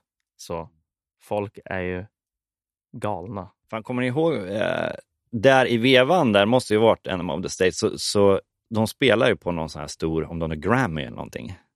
Och Toms gitarr eh, havererar. Ja, Så det blir bara, såg ni det? Ja, jag, nej, men det har jag sett på Youtube. Ja, så jag, jag kollade på det här, jag tittade på det live då, och bara led med han liksom. Bara trummor och bas och sen så Tom Song, han sjunger där, min, och, eh, han lägger in och min gitarr fungerar inte. Eh, fast sen så ska vi kolla på repris på det, då var det helt plötsligt gitarr. Så jäkla sjukt, för då efteråt så hade de lagt på gitarr efteråt. Jaha. Som en första uh, led i stackaren, alltså, för jag tror att de var även det sista som hände. Liksom. De var ju the main act på, på den där grejen. Och sen så är det ju så skört när man bara en, Ja. alltså det finns ju ingen, inget mer än bara, bara Marks, Marks bas och den där liksom ändå nasala lilla sången där också. Det var ju inte så fett alltså. Ja, Det Sjukt som är att de har, att de inte har playback på en sån tillställning. det- är väl det folk har nu för tiden, men det är ju grymt att det är, att det är så äkta. det som är så roligt med det framträdandet, det är väl att de kör eh, First Date från Take Off Your Pants Jacket. Och då har de ju klätt ut sig som de gör, alltså så att de ser ut som i musikvideon. Så att det blir liksom dubbel liksom, roligt på grund av det. Får rota reda på det där klippet på, på Youtube. De har inte en extra gitarrist när de spelar live? eller? Nej. Nej, det, är inte, det, det kan jag säga. Det, det är Det är ja, en- från, från Offspring, eh, det, det var ju han eh, Keep Em Separated-gubben. Han står ju, han står ju liksom bakom Alltid backdropen alla. och, och spelar, spelar eh, gitarr. Ja, Misfits har väl det också på de nya spelningarna. En garderobsgitarrist Ja. liksom, som smygspelar. Sen ersatt, han, han vart ersatt utav ett enormt Pro Tools-rack som Offspring har nu, alltså vid sidan utav det sjukaste jag sett. Alltså, ja men kanske sex, sju skärmar liksom som står och spelar någonting. Alltså, jag vet inte ens vad det är. Alltså, eh, det, är liksom, det är så mycket mer än, än, än bandmedlemmar liksom. Så de måste ha hur mycket som helst backing track som de fyller i med eller någonting.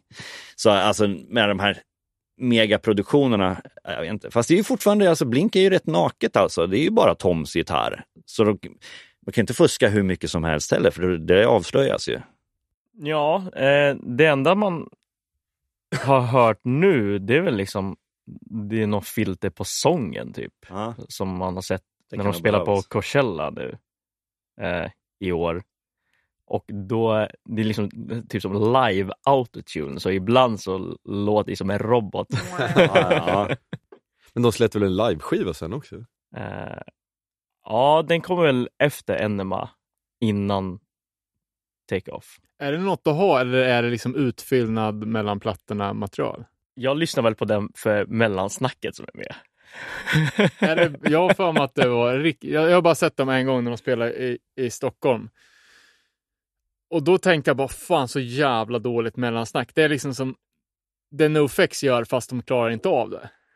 Så här, Lite kiss och bajs-humor? ja, fast inte kul. Det är kul för min ålder. Ja, jag kanske var för gammal. Jag har för mig att de var rätt roliga på då, den gamla tiden på, på Warped och så vidare. Och då, alltså, som sagt, då var de inte stora, men de var så här spontant roliga Ja, okej. e- emellan och höll på att skämta med varandra rätt mycket. Vad jag minns. Ja, Sen nu vet, nu, vet, nu vet jag inte hur snacket är alls. De är ju seriösa på ett helt annat sätt nu. Alltså, jag, jag kollar lite på Youtube när de har kört live nu. Men jag vill inte kolla för mycket, för man ska ju se dem i år. Eh, men jag brukar väl säga liksom att man kollar ju inte på Blink live för att du vill se de skickligaste musikerna heller.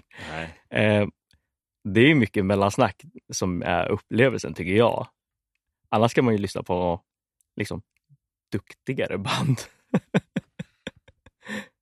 Ja, men det är alltså, de, de, ja, men de- de är ju, de var ju då i alla fall, det var ju, de två där framme var ju liksom komiker, mer eller mindre på den tiden. Och så är väldigt fyndiga, ja men privat också, så här som, ja, skämtar hela tiden.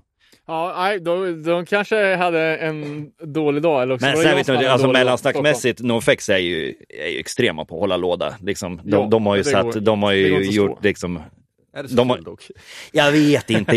Jo, fast just det här att de kör ju aldrig i samma låtordning. Och det gjorde de inte heller eh, på Warp, någon Warp vi gjorde med NoFX också. Alltså det, är, det är en ny låtordning varenda gig. Så, alltså, så ingenting, ingenting är ju liksom det de säger, det är spontant och ändå håller, det är fasen inte lätt att hålla liksom den kvaliteten på typ stand-up mellansnack när det byts hela tiden. Alltså. När man tänker att en stand-uppare sitter och skriver sitt material i flera år och finslipar det kväll efter kväll i någon källare liksom, till perfektion.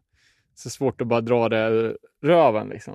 Samtidigt Ja, men- som man ska koncentrera på, att göra något helt annat. Ja. Sen som sagt, de fick nivå, det kan bli jäkligt pajigt också, men också väldigt kul. Det, fi- det finns ju någon spelning, jag tror att det är bara några år sedan när de spelar i typ Tyskland och de typ nästan mobbar en typ 11-åring eller någonting i publiken.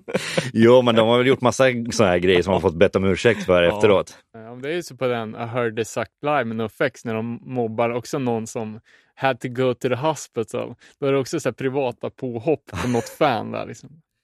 Säger hans namn. Liksom.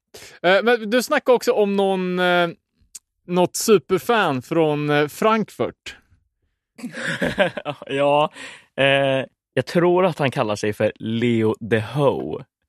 Och han har en Youtube-kanal där han står i något garage eller någon källare. Och liksom han försöker se ut som Tom.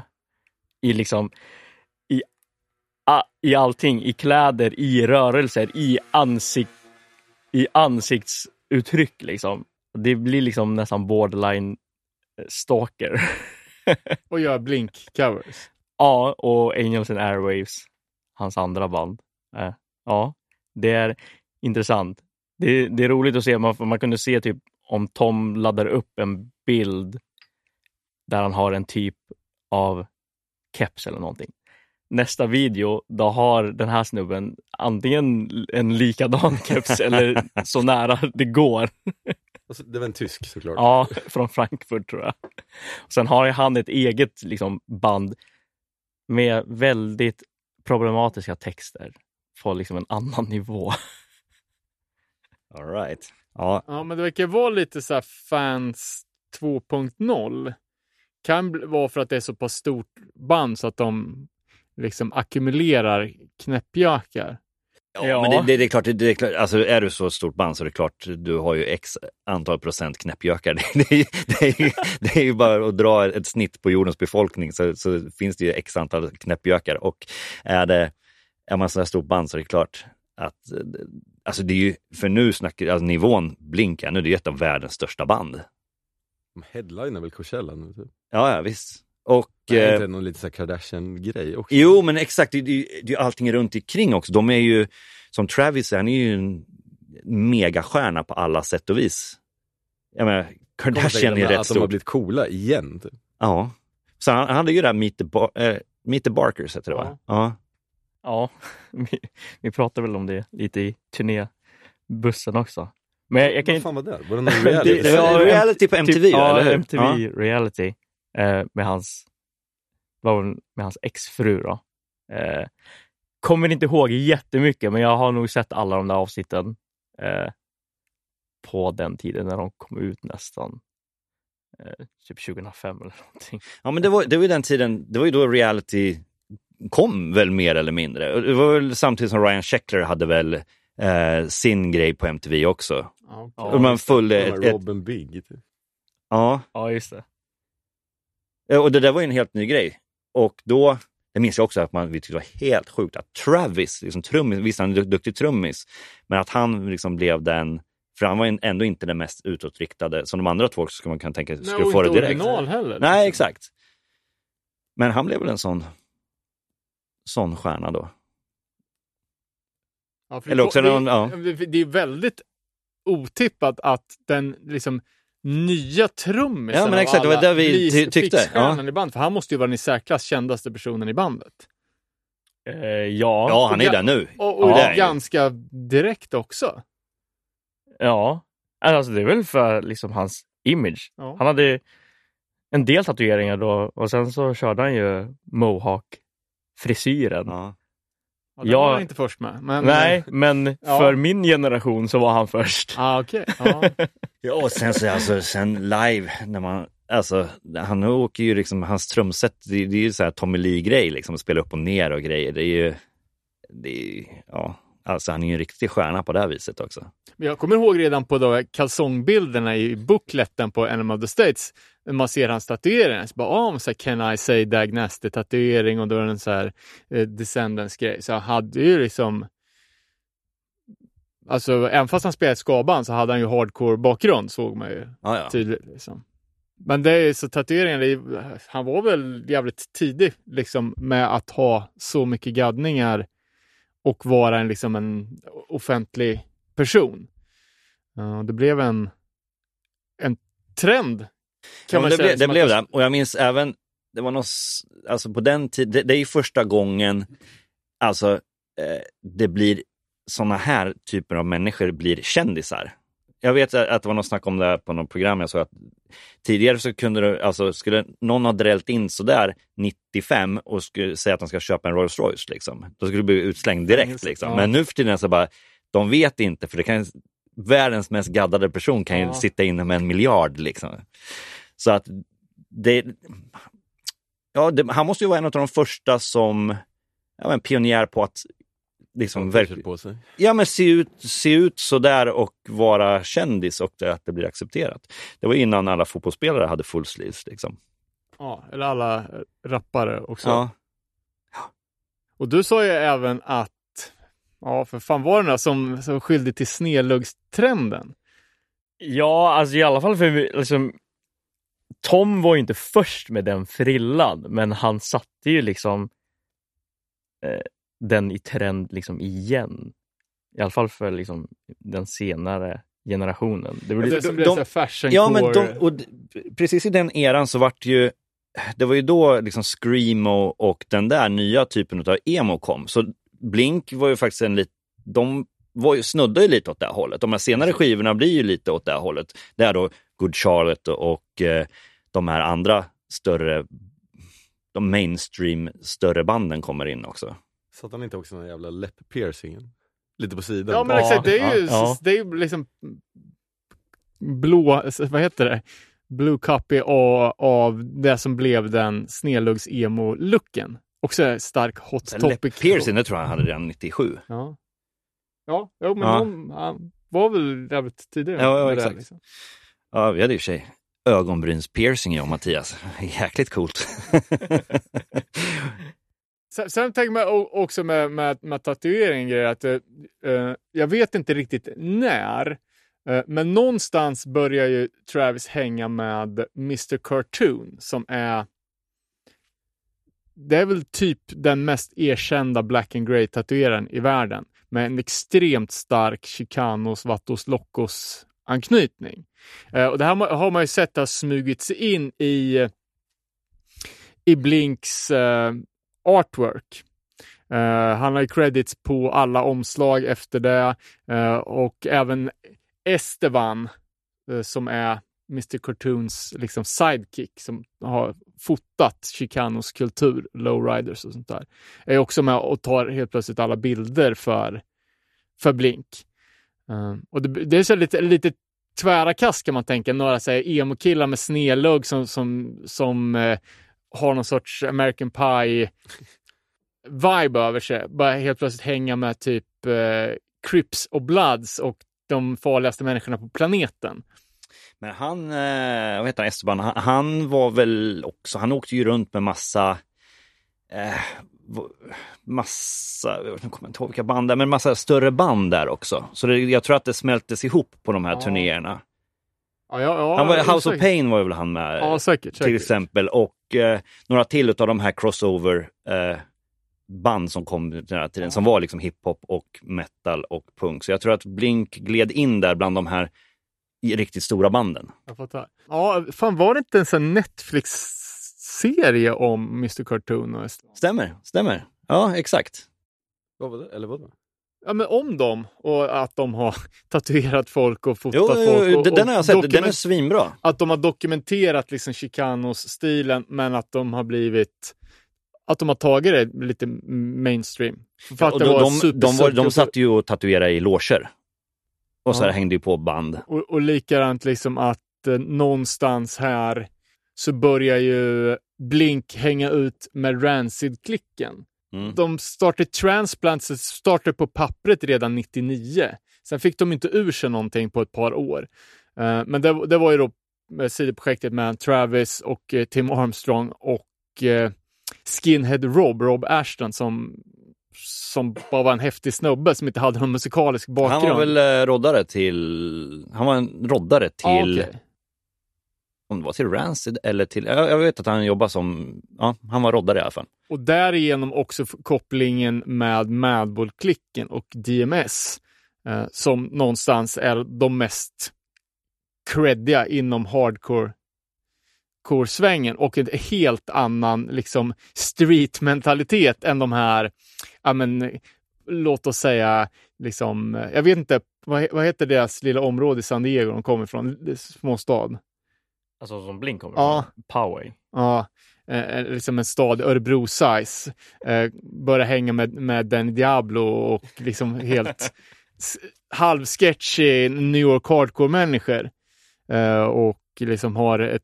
Ja, Transplants är ju det Blink-sidoprojekt som jag i alla fall har lyssnat mest på. De har ju, alltså det är väldigt mycket som knark och gangstertexter. Det känns lite malplacé på ett sätt. Alltså, alltså nu åt dessa Warp Tours. Vi gjorde eh, Warp eh, 2005. Då, då, då gjorde vi det med Transplants. Det var ett gangstrigt kring dem. Eh, jag vet inte, Tim kanske var inne i en gangsterperiod. Jag vet han, utanför bussen så, här, så körde han ju bänkpress och grejer. Och, och så här. så det, det var, de var helt klart, eh, de var, det var lite gangster eh, approach på dem och eh, mycket så här hiphoppare som hängde kring bussarna och sånt där på, på ett annat... Ja, Ja, och Tra- Travis trumspelande, är, det är ju väl så här trap eh, beats, Ja. och det känns ju väldigt rap på, no, på något sätt. verkligen. Och han är ju sjukt duktig på att göra de där grejerna. Liksom, han är ju väldigt bred i sitt trumspelande. Men det, alltså, jag tycker Transplant är svinbra, men jag vet inte, är ganska otippad kombo, liksom punk-rap mixat. Alltså, det, är- ju, det är ju Tim där. Han är ju säkert, han är ju garanterat spindeln i, i det här nätet. Och, och han är ju väldigt bred i, i sin smak. Eh, men också, ja, men some of my friends sell records, some of my friends sell drugs. Som att det är hår, hårda, hårda texter. Ja, ja, men exakt. Men, ja, men då får vi inte glömma att de, vad fasen, Brett och han håller ju på med heroin och grejer. Alltså det, de var ju i, i det där. Ja, ja men ett, eh, ett fett eh, sidoprojekt i alla fall tycker jag. De har släppt ut tre, tre plattor. Det är väl den första självbetitlade plattan som, är den, som jag har lyssnat mest på. Jag, jag vet inte vilka som, vilka som är den liksom en mest kommersiellt gångbara. Eh, men den är tydligen inspelad under två och ett halvt år hemma hos Tim. Eh, och det är feats på alla låtar så att det verkar ju vara något sånt här ehm, Ja, men ett av alla Tims olika Mm. jätteprojekt liksom, som han, som han Skulle, jag skulle, Ja, verkar ha vilja, jag skulle vilja lyssna på genom hans hårddiskar alltså. Det fan så mycket grej. material han måste ha alltså. Varför gjorde inte han en låt om dagen i ett år? Ja, och de, Ja. det står ju nya band hela tiden. Ja, han är så otroligt kreativ. Det är helt, helt sjukt. Är det någon som har lyssnat på de andra sidoprojekten? Då? Boxcar Racer och eh, vad är det nästa?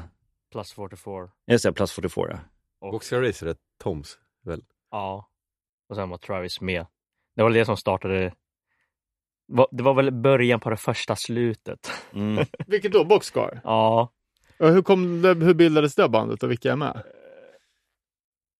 Det är väl, ja det är ju Tom som liksom började skriva. Han ville väl liksom testa nya idéer istället för att liksom skriva till Blink eller något. Men nu, alltså, hur låter det? Jag, jag kommer tycka, låter det inte Blink? Jag Alltså, det gör det? ju typ Ja det. men exakt, jag, jag förstår ju om man, om man, om man liksom vill testa en helt annan musikgenre. Ja. Ja. men säg Transplants då från Rancid eller någonting det och testa på super. någonting nytt. Han, bru- han brukar väl beskriva det som att eh, det var lite mer post-hardcore eh, inspirerat. Ja, men också hört det, bara, men det, här, det här var hans grej. Han ville ju skriva quicksand-låtar och det, jag tycker inte det låter så. Men det kan ju, man kan ha en, en inställning och det blir något annat.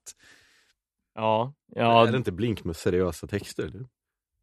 ja man skulle ju nog kunna säga man, man det. kan, alltså. han, själv kanske känner att det är helt annorlunda. Fast sen så låter Ja, liksom för, för, för lyssnarna sen så blir det liksom någon form av blink. Ja, men han liksom tar ju in... Han, frågar liksom Travis om han skulle spela trummor och då blir det ju liksom...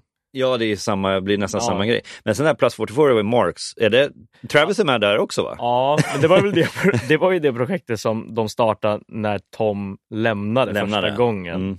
Och det är väl det som är- mer likt Blink också. Eh, Det skulle vara någon sorts ersättningsband då? Ja, eller? men det känns lite som det. Eh, Men eh, ja, på den tiden så gill, jag tror att jag gillade det mer än Toms projekt som blev Angels and Airwaves. Som liksom sticker ut mer mot kanske mer rock. Ja, det är, ju, det är ju annorlunda. Ja, lite mer storslagen liksom Ja. rock. Och jag såg även på uh, Boxcar Racer att det, en snubbe som heter David Kennedy, som tidigare spelade med ett hardcoreband som heter Built to Last. Ja, Eh, han, hade ju, han var ju med även och spelade med Hazen Street som var H2O Madballs poppunk-projekt.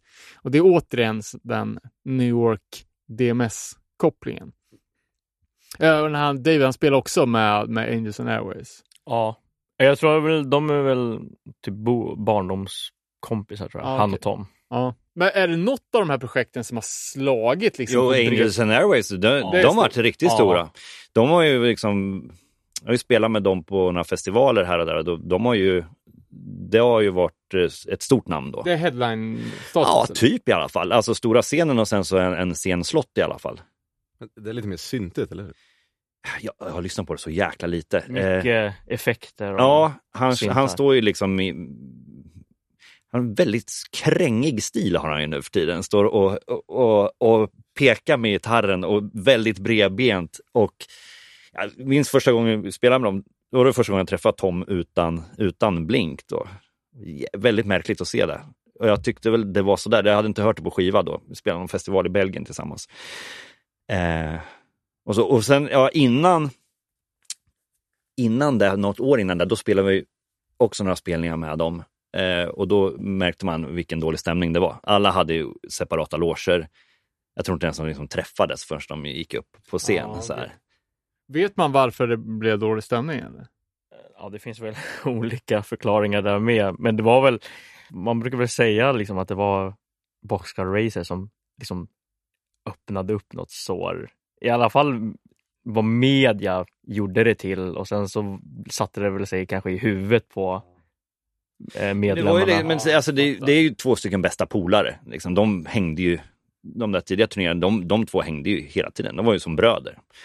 Mark och Tom. Ja, Mark och Tom ja. Eh, och, eh, och då Scott där var ju, hängde ju knappt med dem. Han kändes ju lite utanför där som jag sa tidigare. Och sen så vet jag inte hur, jag har ju inte turnerat så jättefrekvent med dem när, när Travis har varit med. Utan det har varit mera, vi gjorde en förbandsturné till dem i Kanada. Eh, och det här var väl kanske när vi släppte Home from Home tror jag. Typ så här 2002 eller något sånt där. Och redan då, då hade de ju blivit ett megaband. Eh, fortfarande lika trevliga, men man märkte verkligen att de har eh, liksom, vi var inte kompisar på samma sätt. De var, liksom, var, var ett stort band då. Och redan då så... Alltså, det, det blir när karriären tar den där farten som de har gjort för dem. Det är inte lätt att hålla sams kan jag tänka mig. Sen har jag ingen aning om, Millencolin är ju en sån demokrati, vi delar på allting. Broderligt fyra delar, men där kan jag tänka mig att det är rätt mycket, jag skrev den där grejen och jag skrev den där grejen. Skulle inte förvåna mig om det är sådana där grejer som kommer in. Nu, nu står jag nu Ja, håller jag på det- och det- gissar det bra Fast, fast jag menar, från att ändå varit så nära kompisar som de hängde till att, de, att man har bestämt olika loger där det står deras namn och att de inte hänger, då är det ju någonting som har, har hänt i det här förhållandet. Ja, man kan tänka om tre personer har ett band och två av dem startar ett eget band. Ja. Så det är bäddat för sura miner. Ja, ja men förmo- förmodligen också när man kommer till den nivån som de var.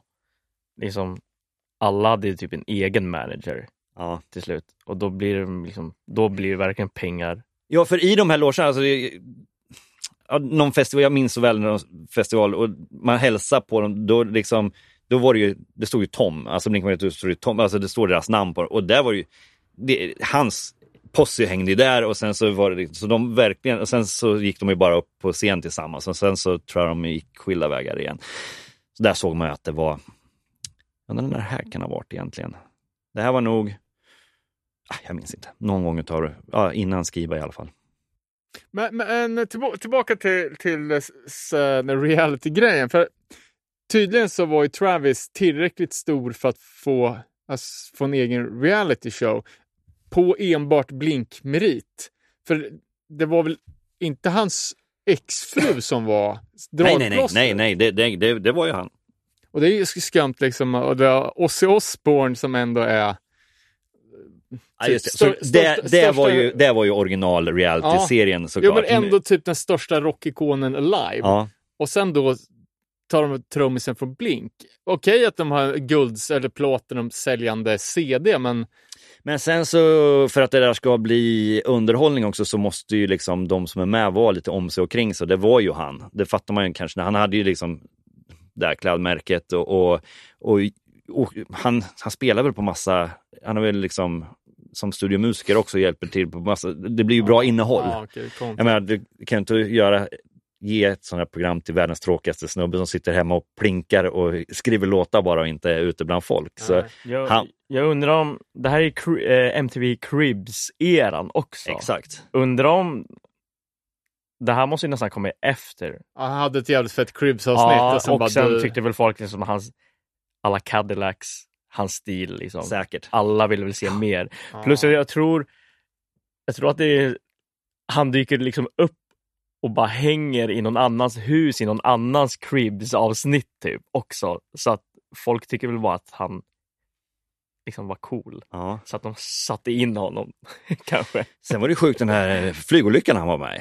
Ja, precis. Tillsammans med han den här DJen som jag inte minns namnet på. De drog körde ju något private, privatjet från typ New York som skulle flyga till Kalifornien efter någon, någon spelning Ja. och eh, krascha och han dog ju i den andra. Och Nej, Gjorde han inte det, det, var- det, alltså, Jag tror att det var typ så här.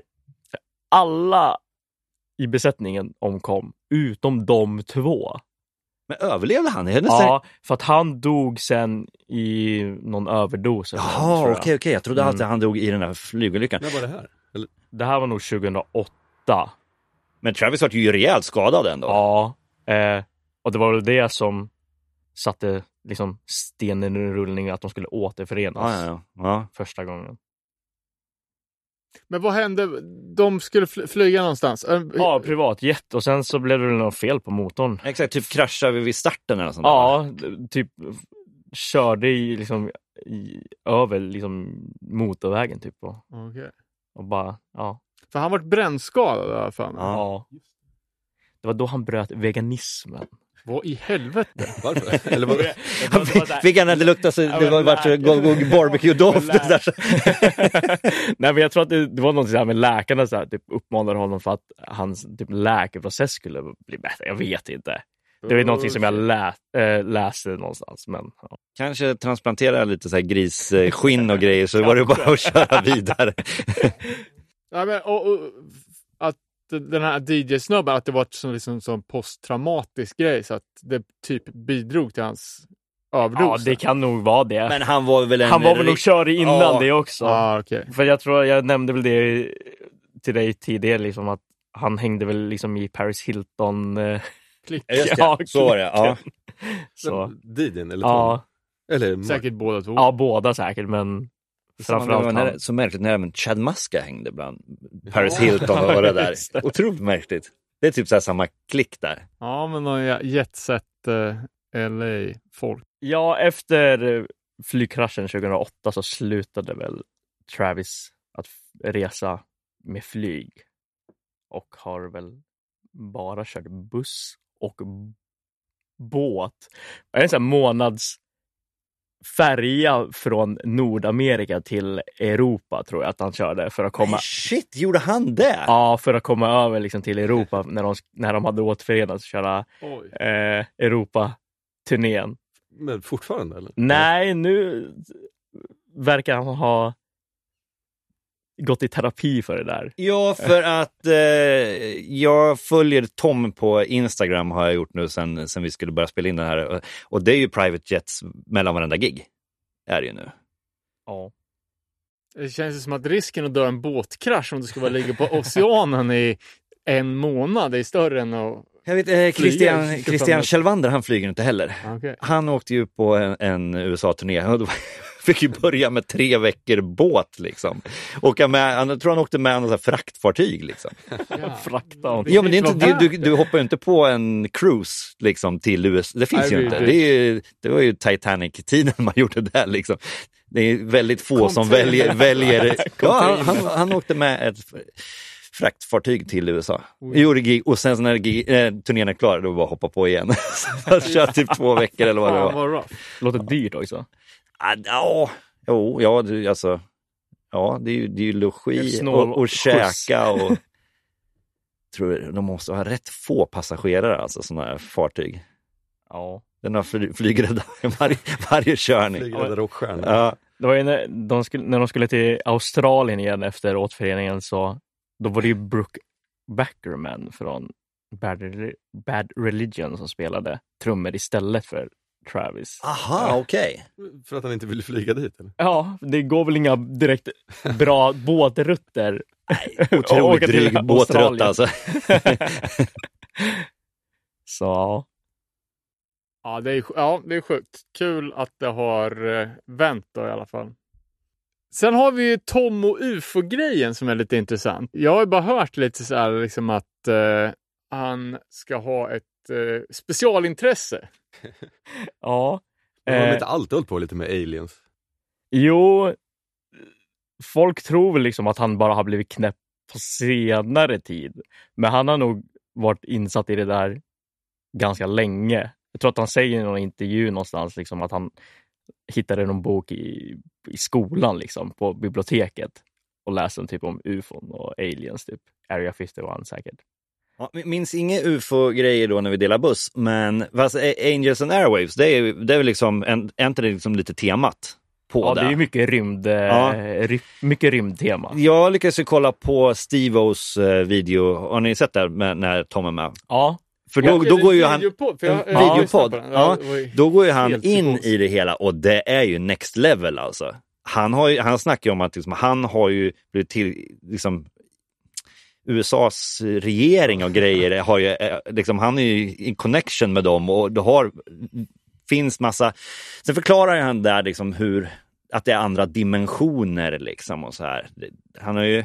Ja, det, det är nästan som att han har typ gått ifrån att det är liksom aliens från en annan plats i, ja, i rymden, utan mer att det är i en annan dimension. Ja men exakt, att man lever i olika eh, ja, dimensioner Ja. är mera, mera det och i vissa sådana så finns liksom aliens och så. Det, han hade ju en, Ja, den var, den var ju väldigt, väldigt wacko fast samtidigt är det ju det är ingenting han bara slängt ur sig. Nej. Liksom. Men fan, jag såg någon dokumentärserie när han är med någon, ja, men, någon som har hoppat av the government. Ja, alltså han är ju...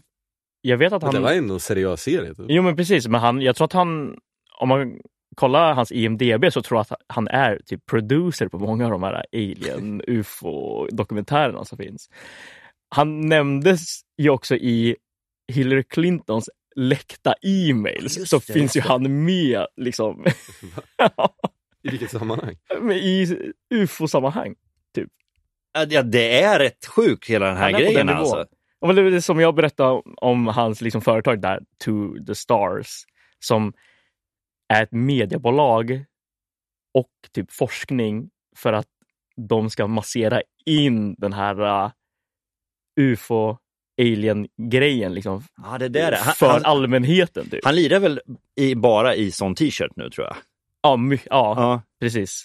Det är ju marknadsföring. Ja, Liksom. ja, men liksom som att nyheten av att det finns aliens på riktigt är så främmande för folk så även fast det kommer drops med jämna mellanrum om att bara NASA bekräftar och så här, så är det ingen som tror det. Så då måste de ta in sångaren från Blink för att han ska lubba in teorin lite Ja, det är en väldigt märklig karaktär de tar in liksom. Men ja, enligt honom, det, det råder folk att kolla på det här för det var fascinerande hur han berättade det där. Men alltså jag fattar inte, varit hur, i- vad- hur vad fick han den statusen? mycket väl vara. Alltså även fast man är någon så hobbyforskare och även fast man har lite flis från sitt framgångsrika rockband så är det inte direkt man bara får chilla med NASA-folk. Nej, alltså, men det känns väl som att han la väl 110 procent på det. Speciellt liksom i vevan när han startade liksom Aliens and Airwaves. Och när var det? Ja, det måste väl vara 2005, 2006 Ja, det är så där. pass Ja, alltså. för det, det är ju liksom hans första musikprojekt efter Blink. Där. Ja, nej, men det, det stämmer nog. För, Och då kallar de det för ett art project Just istället. Det är inte ett band. Ja, okej. Sen så även alltså, det här är ju, de medlemmarna är ju kändisar i USA på en annan utsträckning än vi kan tänka oss kanske här i, i Europa. Där borta är de ju, jag menar som Travis, han är väl jättestor och det är väl de andra också. Tabloid Ja. kändis. Ja. Garanterat. Nej, för vi, vi snackade när vi pra- pratade om Offspring, liksom att Dexter Holland var aids-forskare och vi funderade på om den där doktorshatten som han nu hade, liksom om det var lite så här ah, bjuddoktorsgrad, liksom, eller, eller om man verkligen gör den liksom, forskningen. Men i det här fallet då, så verkar det som att Tom är en liksom, toppspelare när det gäller UFO-forskning. Ja.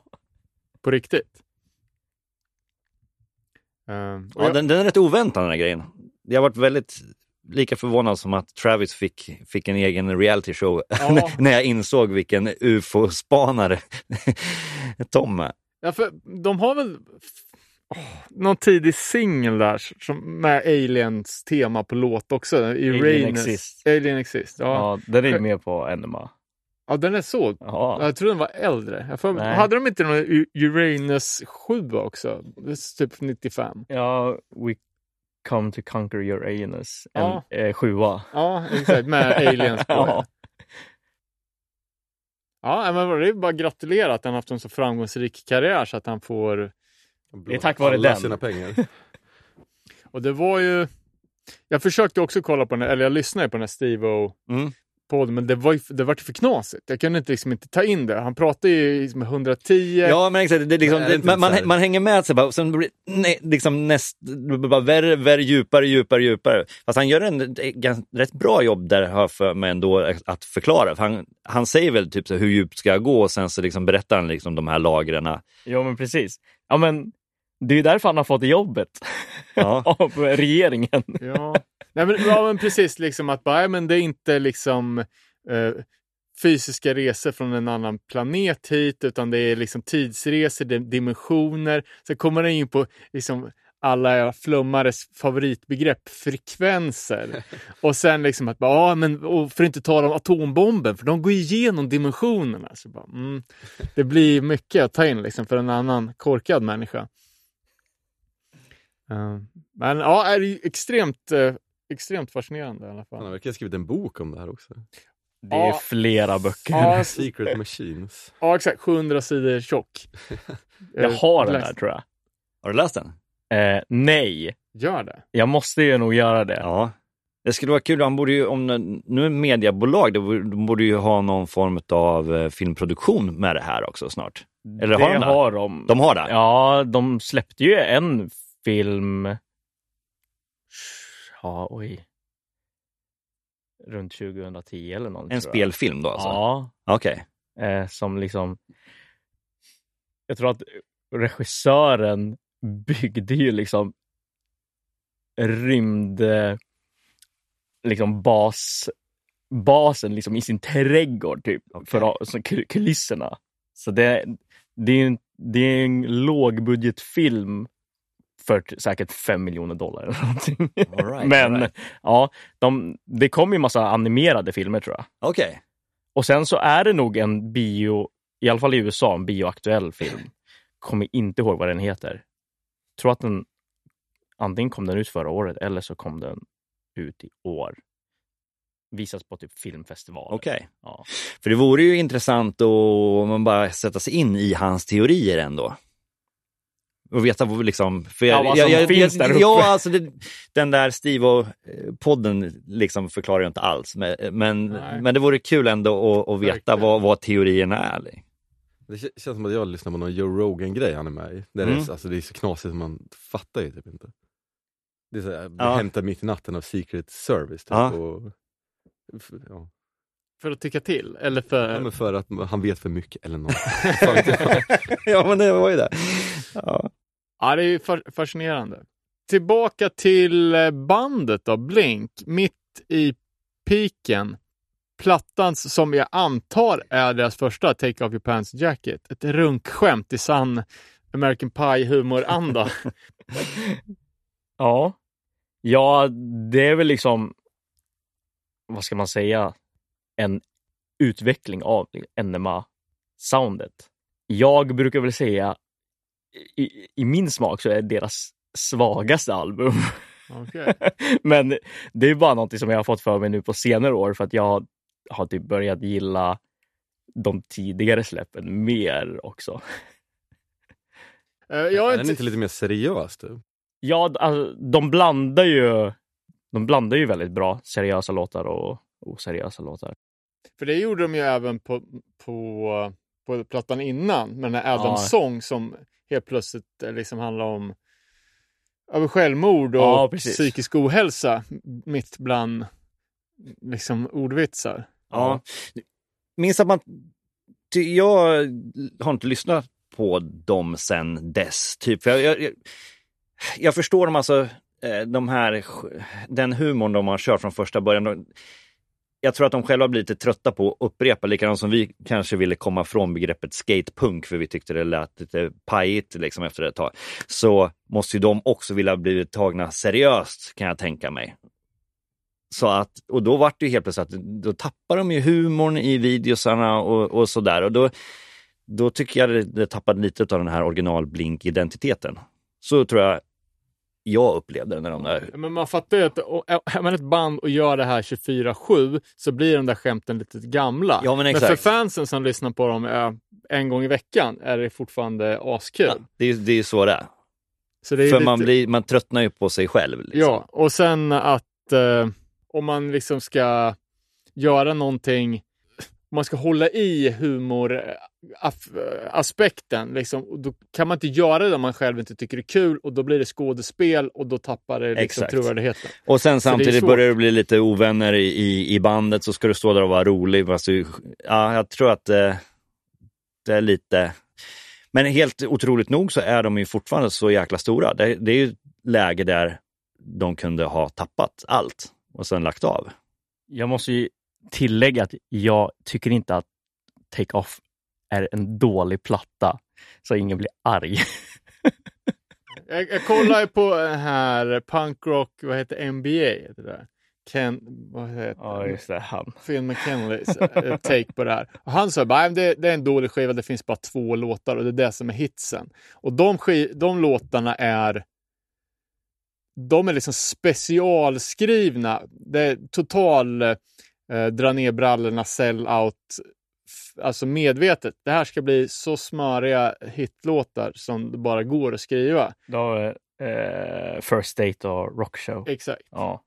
Eh, jag tycker, alltså, det är väldigt bra låtar. Ja, det det är är det. svårt att freda sig mot ja, men jag tycker hans takes är ju ja, roliga ibland. För jag, jag, jag tänkte att jag in, typ inte hade hört den här skivan.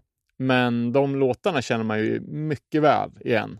Och jag vet inte riktigt från vilket sammanhang. För jag, tror- jag tror inte att jag har satt på dem. Utan de måste jag ha hopp- hoppat på en någonstans ifrån. Ja, men det, det var ju de två låtarna som har musikvideo. Det förmodligen då är, rullar ju. Är det när de är så 60-talskillar? typ?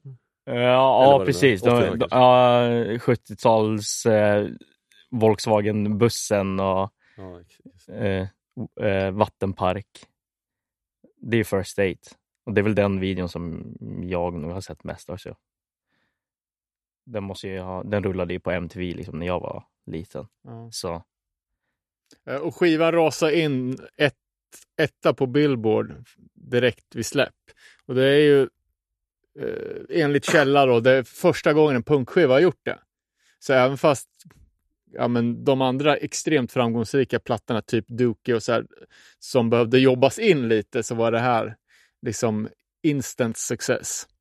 Ja, de hade ju en låt till nu med på American Pie 2. Okej. Till, liksom öppningslåten. Och vilken låt var det då? eh, Every time I look for you. Okej. Eh, ja, Vet inte om det var en singel. Eh, men den var i alla fall...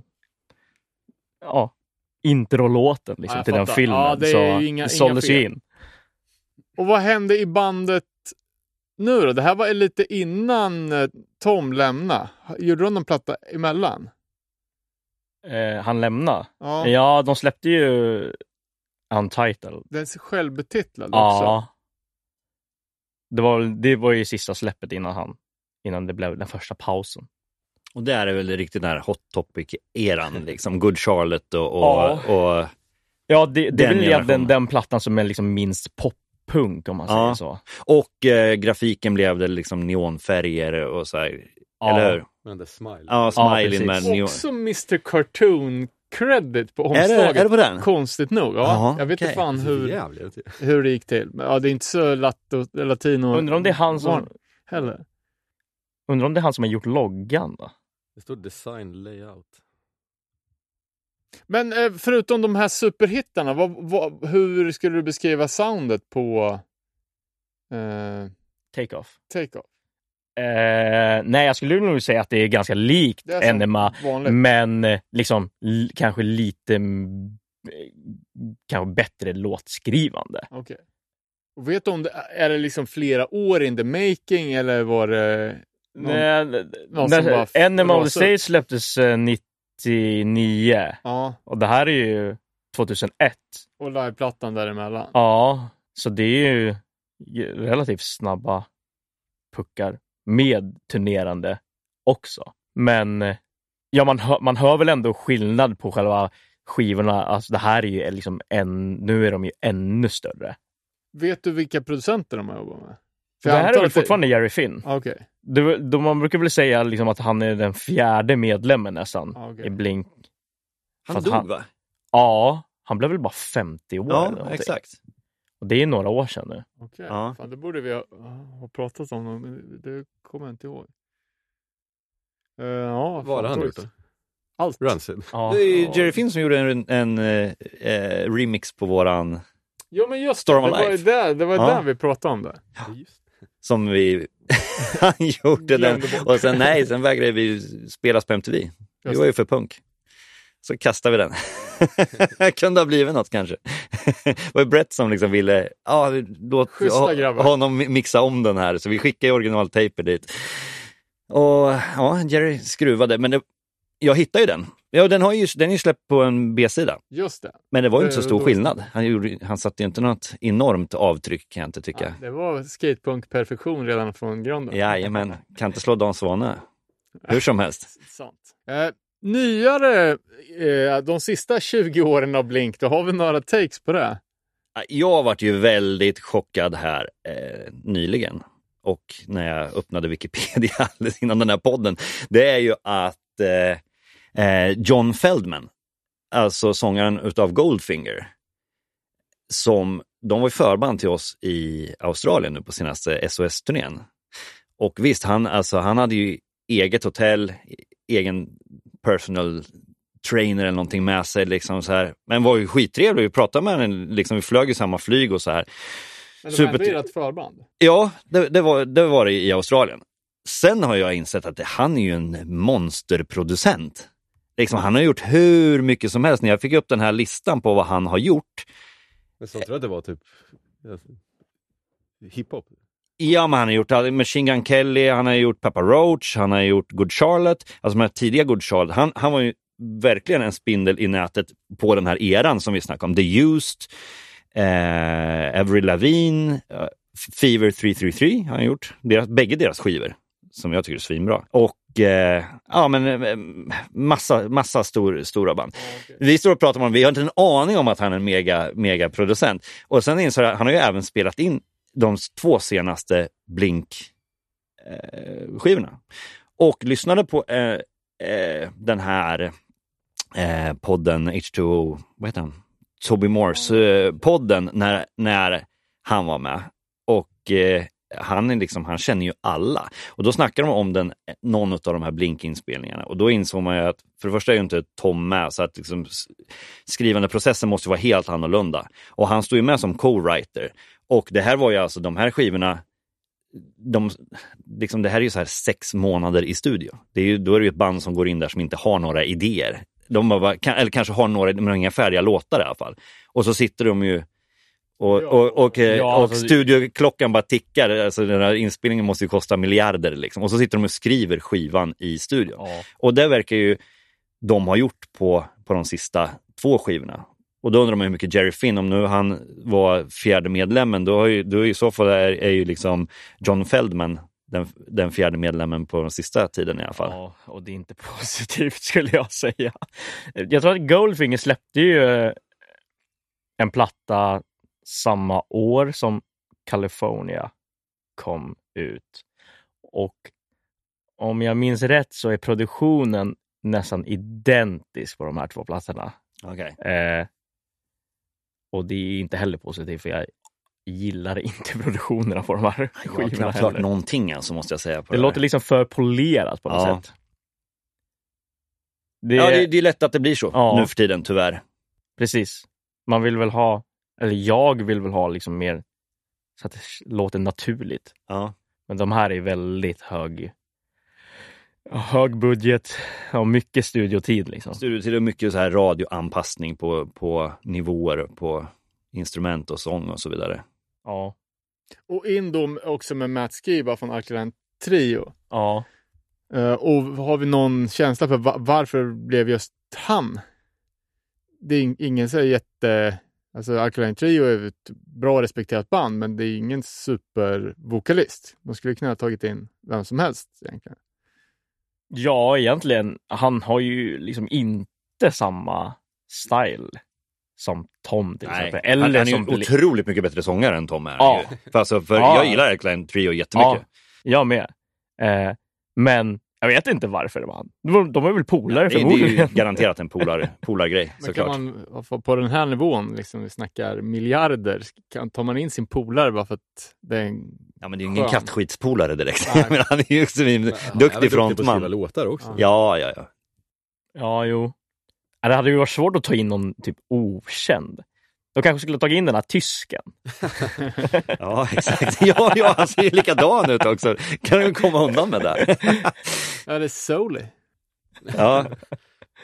Men sen vet man inte, eh, vi vet ju inte hur många som kanske gjorde audition för det hela, om ingen aning om heller. Ja, nej.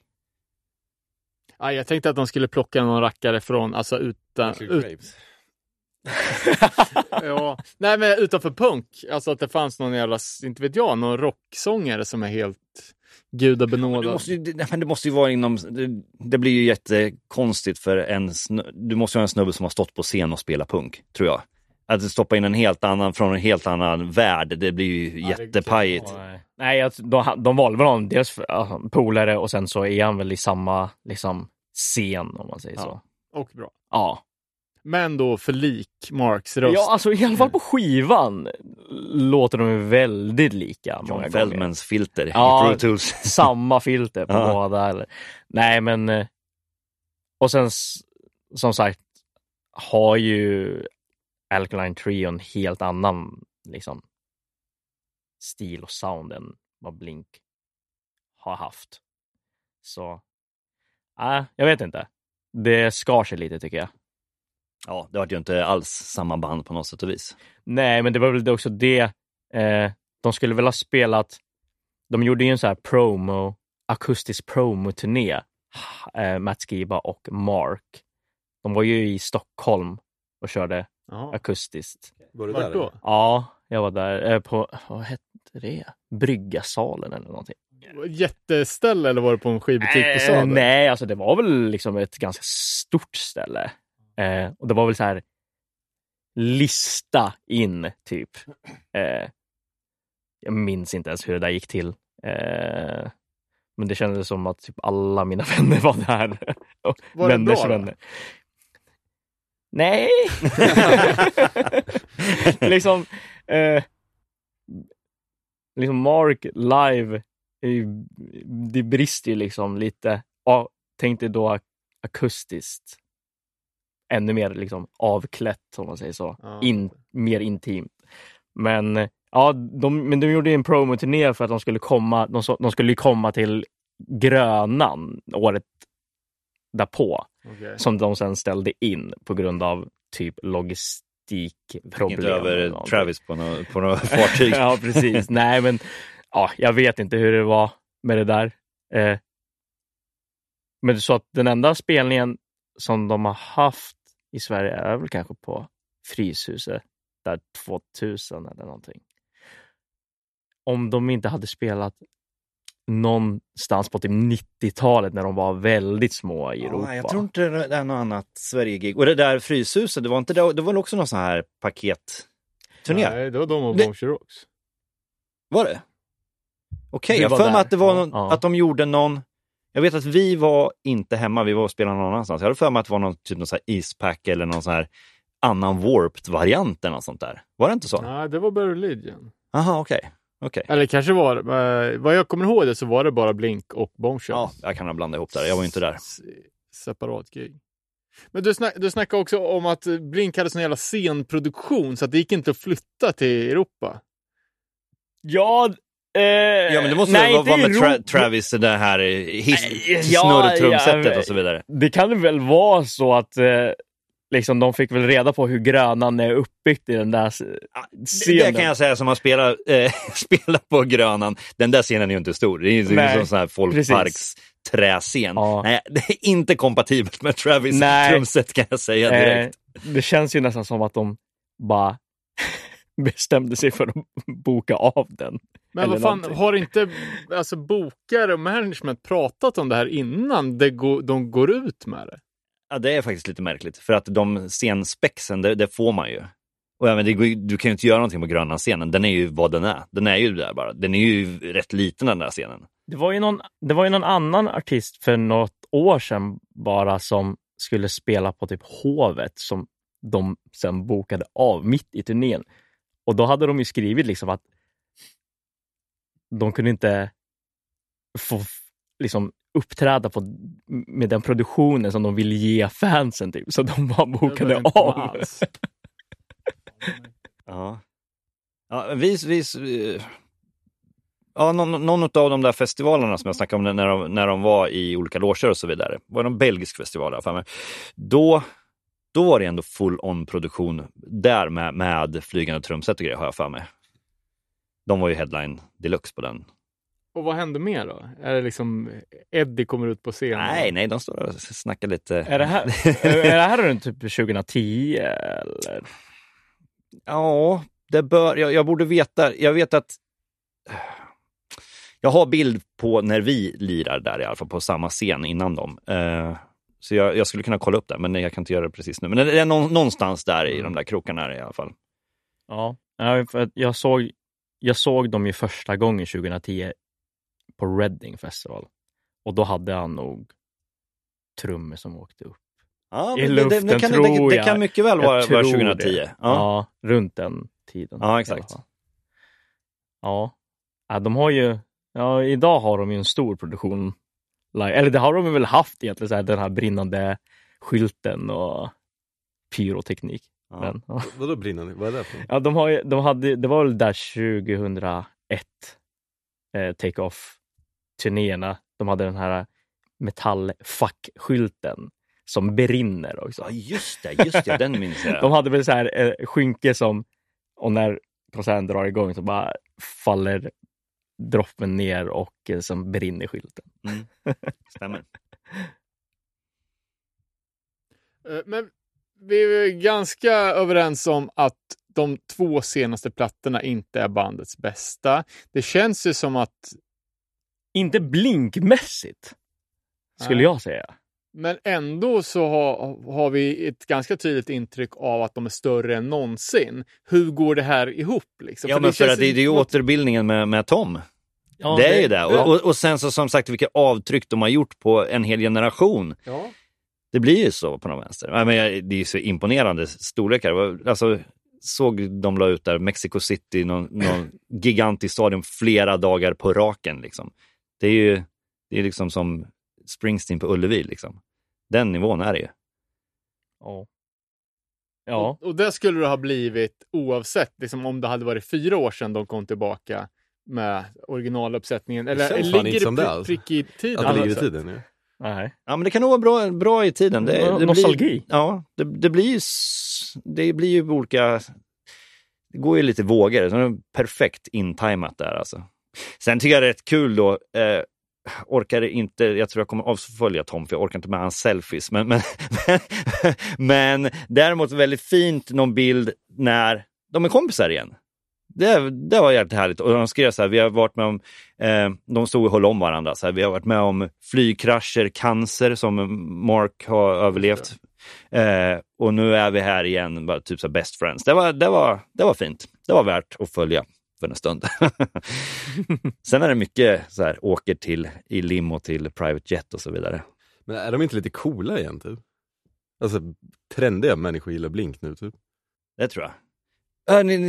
Den där dokumentären också då, som de skulle typ ha headlina, den här festivalen som aldrig blev av ute i, eh, vad hette den? Fire, Fire- Firefest. Firefest. Där skulle ju de spela i, i eh, mitt bland massa andra så här, stora akter. Ja. Eh, ja, den där eh, dokumentären. Det är sjukt bra. Alltså jag har ingen koll på men Machine Gun Kelly som är av någon anledning jätte, jättestor. Eh, John Feldmans. Känns det som att det är en, en ren produkt av Blink, eller liksom skapad av Blink-generationen. Ja. ja. det Sen är är också väl något po- att gräva i. ja, polare med Travis.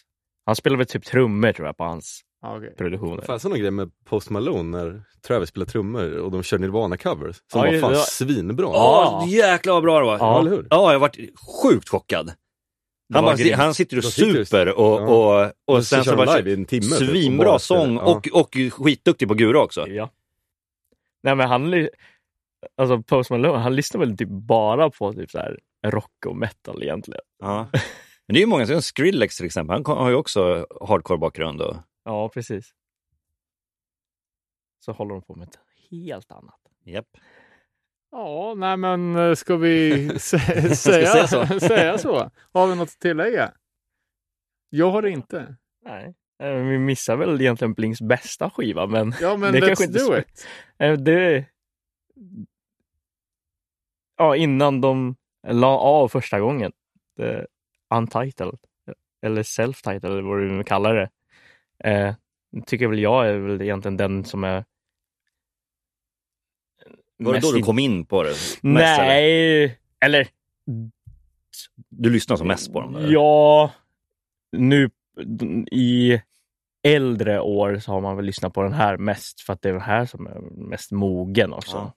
Eh, och mycket memes va? Med, hans, med Toms uttal på många lines som han drar. Okej. Ja, men det är väl att han uttalar head med ett y istället, så att det blir ed. eh, framförallt. Och han brukar väl dra den själv på typ Instagram ibland. Så. Vad gör han det? Blev det bara så eller? Alltså, ja, han har ju sin stil att sjunga så att uttalen okej. blir inte det bästa kanske. Ah, okej. Eh, Sen blir det ju hans stil liksom. Han, flera, det finns väl andra låtar som han liksom använder samma ord och uttalar typ likadant. Så jag vet inte. Men vad är, finns, vad är det för liksom, är det några starka låtar? Eh, det är väl, Är det bra rakt igenom? ja, jag skulle nog säga det. Eh, Inte hit and miss eller? Ja, det, ja, den är ju väl ganska annorlunda egentligen. Det är väl, är det den som Jonas Åkerlund regisserar videon? Okej. b- Brukar ju borga för framgång. Ja, så det är lite Sverige-connection där. Eh, men eh, nej, jag skulle nog säga liksom att eh, Enema, Take-Off och Untitled är liksom, ja, det är ju det som är Blink egentligen. Eh, sen är det väl enstaka låtar från de tidigare. Inte jättemycket från plattan som de släppte, eh, Neighborhood, efter första återföreningen. är väl några enstaka låtar som är liksom bra. Fan, vart inte okej. den där California ganska väl mottagen?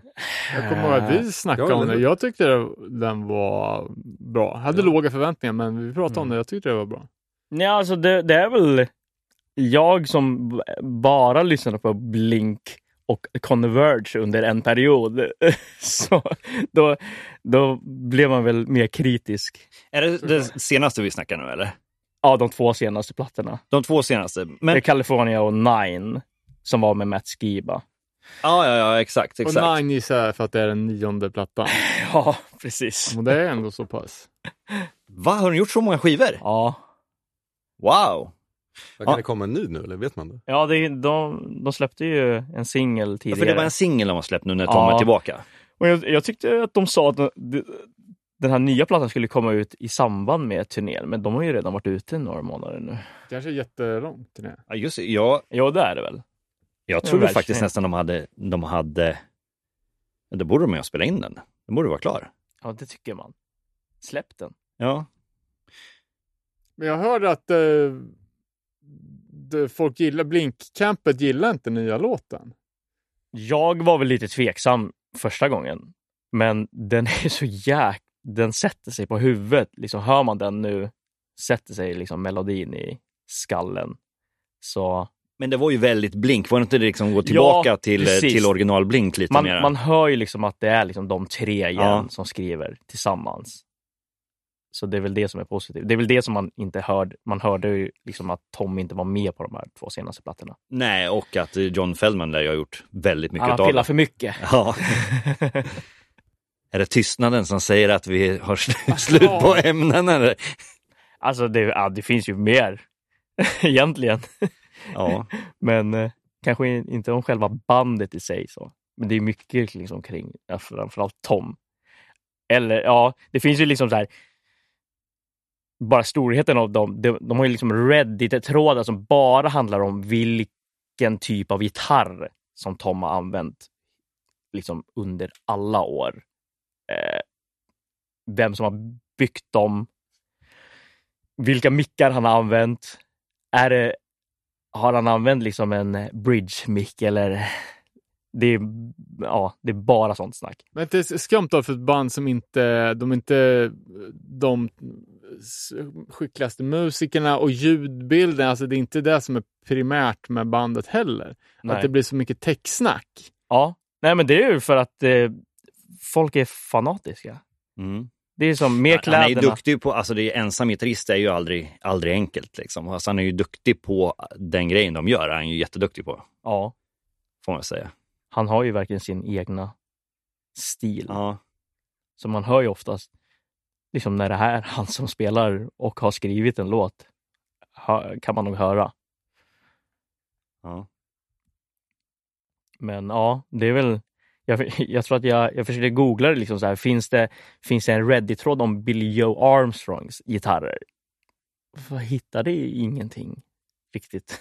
Han har väl Pro Model också på, har inte han det? Ja, det har Jag tror det, att han har Gibson. Men liksom så här, jag vet ju på typ AliExpress eller Wish och de sidorna, där kan du ju typ, där kun, ja, du kunde i alla fall köpa typ replikor av Toms gitarrer. Okej. Liksom. Så det är den nivån.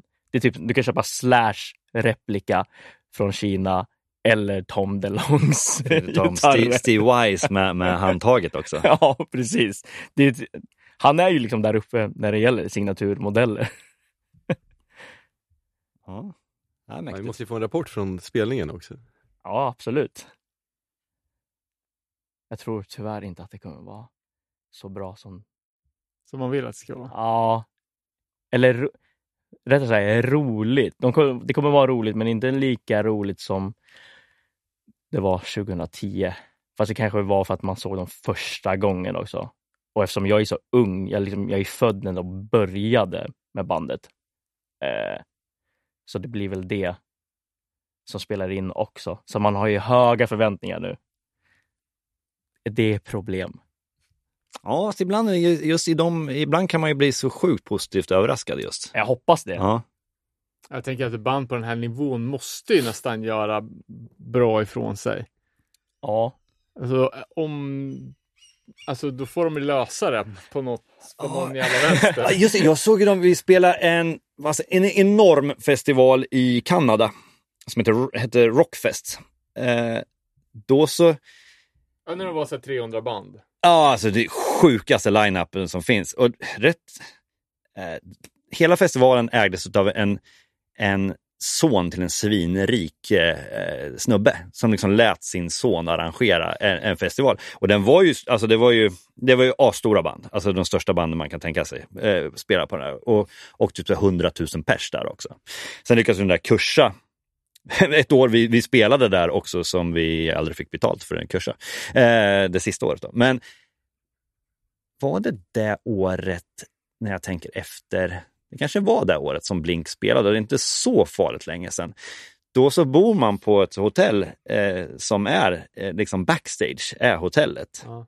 Så att när jag kom in på mitt hotellrum öppnade jag bara balkongen och sen så satt jag och såg Blink liksom, från mitt hotellrum på kvällen. Vi, kom dagen innan då, så vi kom fram kanske typ tio på kvällen. Så var det rätt sjukt att kunna öppna och sen så sitta där och, och kolla på, på Blink. Lyx. Ja, fan. Tror jag har en bild på det på mitt Instagram.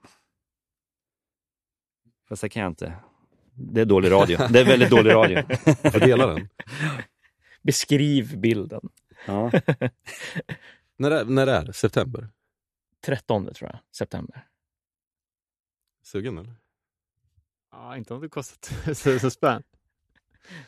2000. Ja, nu 2000. Nej, det är mycket. Det, eh, det skulle säkert kunna gå och hassla sig in, men det känns lite sniket på något sätt. Det känns som att jag är inte värdig. Nej, kom igen nu. Hassla lite. Det har ingen dött av. Du borde göra det. Ja, säkert är skyldig Man vet ju aldrig tjänst. när han hoppar av nästa gång. Eller hur? Då är de ännu större dock, när de kommer tillbaka. Ja, men de kommer ju upp i åren nu, så man vet inte hur länge de, hur länge de vill hålla på. Men, nu har vi inte pratat om det, men han är väl med i Kardashians nu? Eller han är ju gift med någon Kardashian. Klanen. Eh, ja, jag har inte sett, men jag antar att han är med i den serien. Som jag antar är typ världens största serie. Förmodligen. Jo, men alltså, jag läste någonstans att hon, eh, hon är ju gravid nu med hans Ja. och hade under någon blinkspelning stått med någon skylt. Ja, I'm, Travis, I'm det är ju pregnant. throwback till eh, All the small things-videon, Ja, tror jag. Just det, Som det är exakt. en tjej som står med. Men var regisserat då alltså? Ja, För det, för det är såklart med i, givetvis säkert med på, på film såklart. Ja, ja, det där filmades ju. Eh, när hon står där med skylten. Ja. Ja, det, det är så det funkar. De I realitybranschen, ja, de kan sina, slänga sina kort alltså. Ja. Det är inga amatörer som jobbar med den där serien. Ja, men just, alltså, ja, det är ju chock nummer två. Alltså, man var ju chockad att han fick då på den tiden att han fick sin egen reality-grej. Och nu Kardashians, det är ju helt galet. Ja, men fatta det, alltså, det media-grejen kring de här spelningarna då också. Det liksom drar ju Ja. något enormt eh, också. Ja. Jag vet inte, det, det kanske är med en massa Blink live i. Jag har aldrig kollat på Kardashians Nej, någonsin. jag, jag har inte heller. Jag trodde att man kanske skulle kolla något avsnitt nu när de liksom är aktuella igen, men Men sen, hur gamla, hur, hur är det med Travis nu alltså? Vet du det eller? Eller hur långt bak, hur, hur lång, när filmas det och när sänds det ja, egentligen? det är en bra fråga. För i så fall kanske Nej, det kommer det- live med Blink om några månader eller något sånt där. Ingen aning. Eftersom jag inte har sett det, så jag vet inte. Men man brukar ju se liksom när fru Kardashian dyker upp i någon av Travis t-shirtar offentligt så brukar jag alltid, vilka det nu är, Municipal Waste eller eh, Agnostic Front brukar jag alltid reposta någon t-shirt där Okay. är framme. Liksom. Och det blir alltså... Folk blir sura. Ja, men världens, världens kändaste person sportar obskyra punkbandsmerch. Som Anticimex och asocial patch på skinnjackan. Det blir skumt. Ja, men sådär då. Det var ju kul snack det där. Vi kanske inte grävde tillräckligt djupt i alla knasiga teorier och plattor, men jag tycker ändå vi gjorde en hygglig prestation. Jonas, stort tack för att du kom hit och räddade föreställningen. Ja, jag hoppas att det blev okej i alla fall. Eh, Jag vet att du sitter på mycket knowledge, så allt kanske inte riktigt kom ut. Körde över dig med vårt vanliga babblande. Ja, alltså min första podcast och sen så, ja, då bara känns det som att det tar stopp i huvudet. Man måste vara jävligt snabb om man ska få en syl i vädret. Vi har gjort det här i tio år tyvärr. Eh, Erik, du är ju vår femte medlem tillsammans med, med Mark. Tackar, tackar för de Eh. orden. Alltid lika trevligt att ha dig med. Eh, ännu en gång. Eh, vi saknar dig, Mark. En liten eh, förfrågan här då till Seika om du lyssnar. Det hade varit jättekul att få hamna på Blink-gästlistan. Jag hörde att biljetterna var slut. Eh, vi är ju... Eh, är vi värdiga en gästlista? Kanske ett scenpass eller ett eh, intervjutillfälle. Eh, tack för alla som har lyssnat.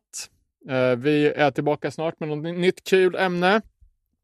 Eh, det har börjat ryktats om en Hives special. Kan bli kul. En, ett band med fantastiskt spännande Deras nya Saga. låt var fan jävligt bra också. och Du, dessutom- två nya låtarna dessutom Hur bra som helst. aktuella. Hur bra som helst. Svinbra videos också. Jag tyckte skivomslaget var så jävla snyggt också. Ja, det är en, ja, det är så, gen, det, det är ett geniband. Det är så genialiskt hela det där konceptet på, som komma skall. Ja, det, det ska bli grymt. Säljer ut sjuka biljettsiffror nu också i, i England. Det kommer att komma en bra era för här strax. Det ska bli intressant med den podden. Där Ja, borde ni kunna få med någon riktigt bra, jag menar, vi har ju hela, har ju väldigt många vänner till dem i, här i stan. Ja, eh, jag snackade lite med Nicke igår. Han sa bara, ja absolut, men vi kommer inte ihåg någonting. Så vi måste ha ett, liksom en, någon kalenderbiter från insidan som är med och fiskar. Ja, ja, exakt. De spelar in, deras första demo spelade ju Matte Fermin i, i våran första studio. Punkpalatset, hans porta. Det kommer Nick ihåg dock, för det pratar han mycket om.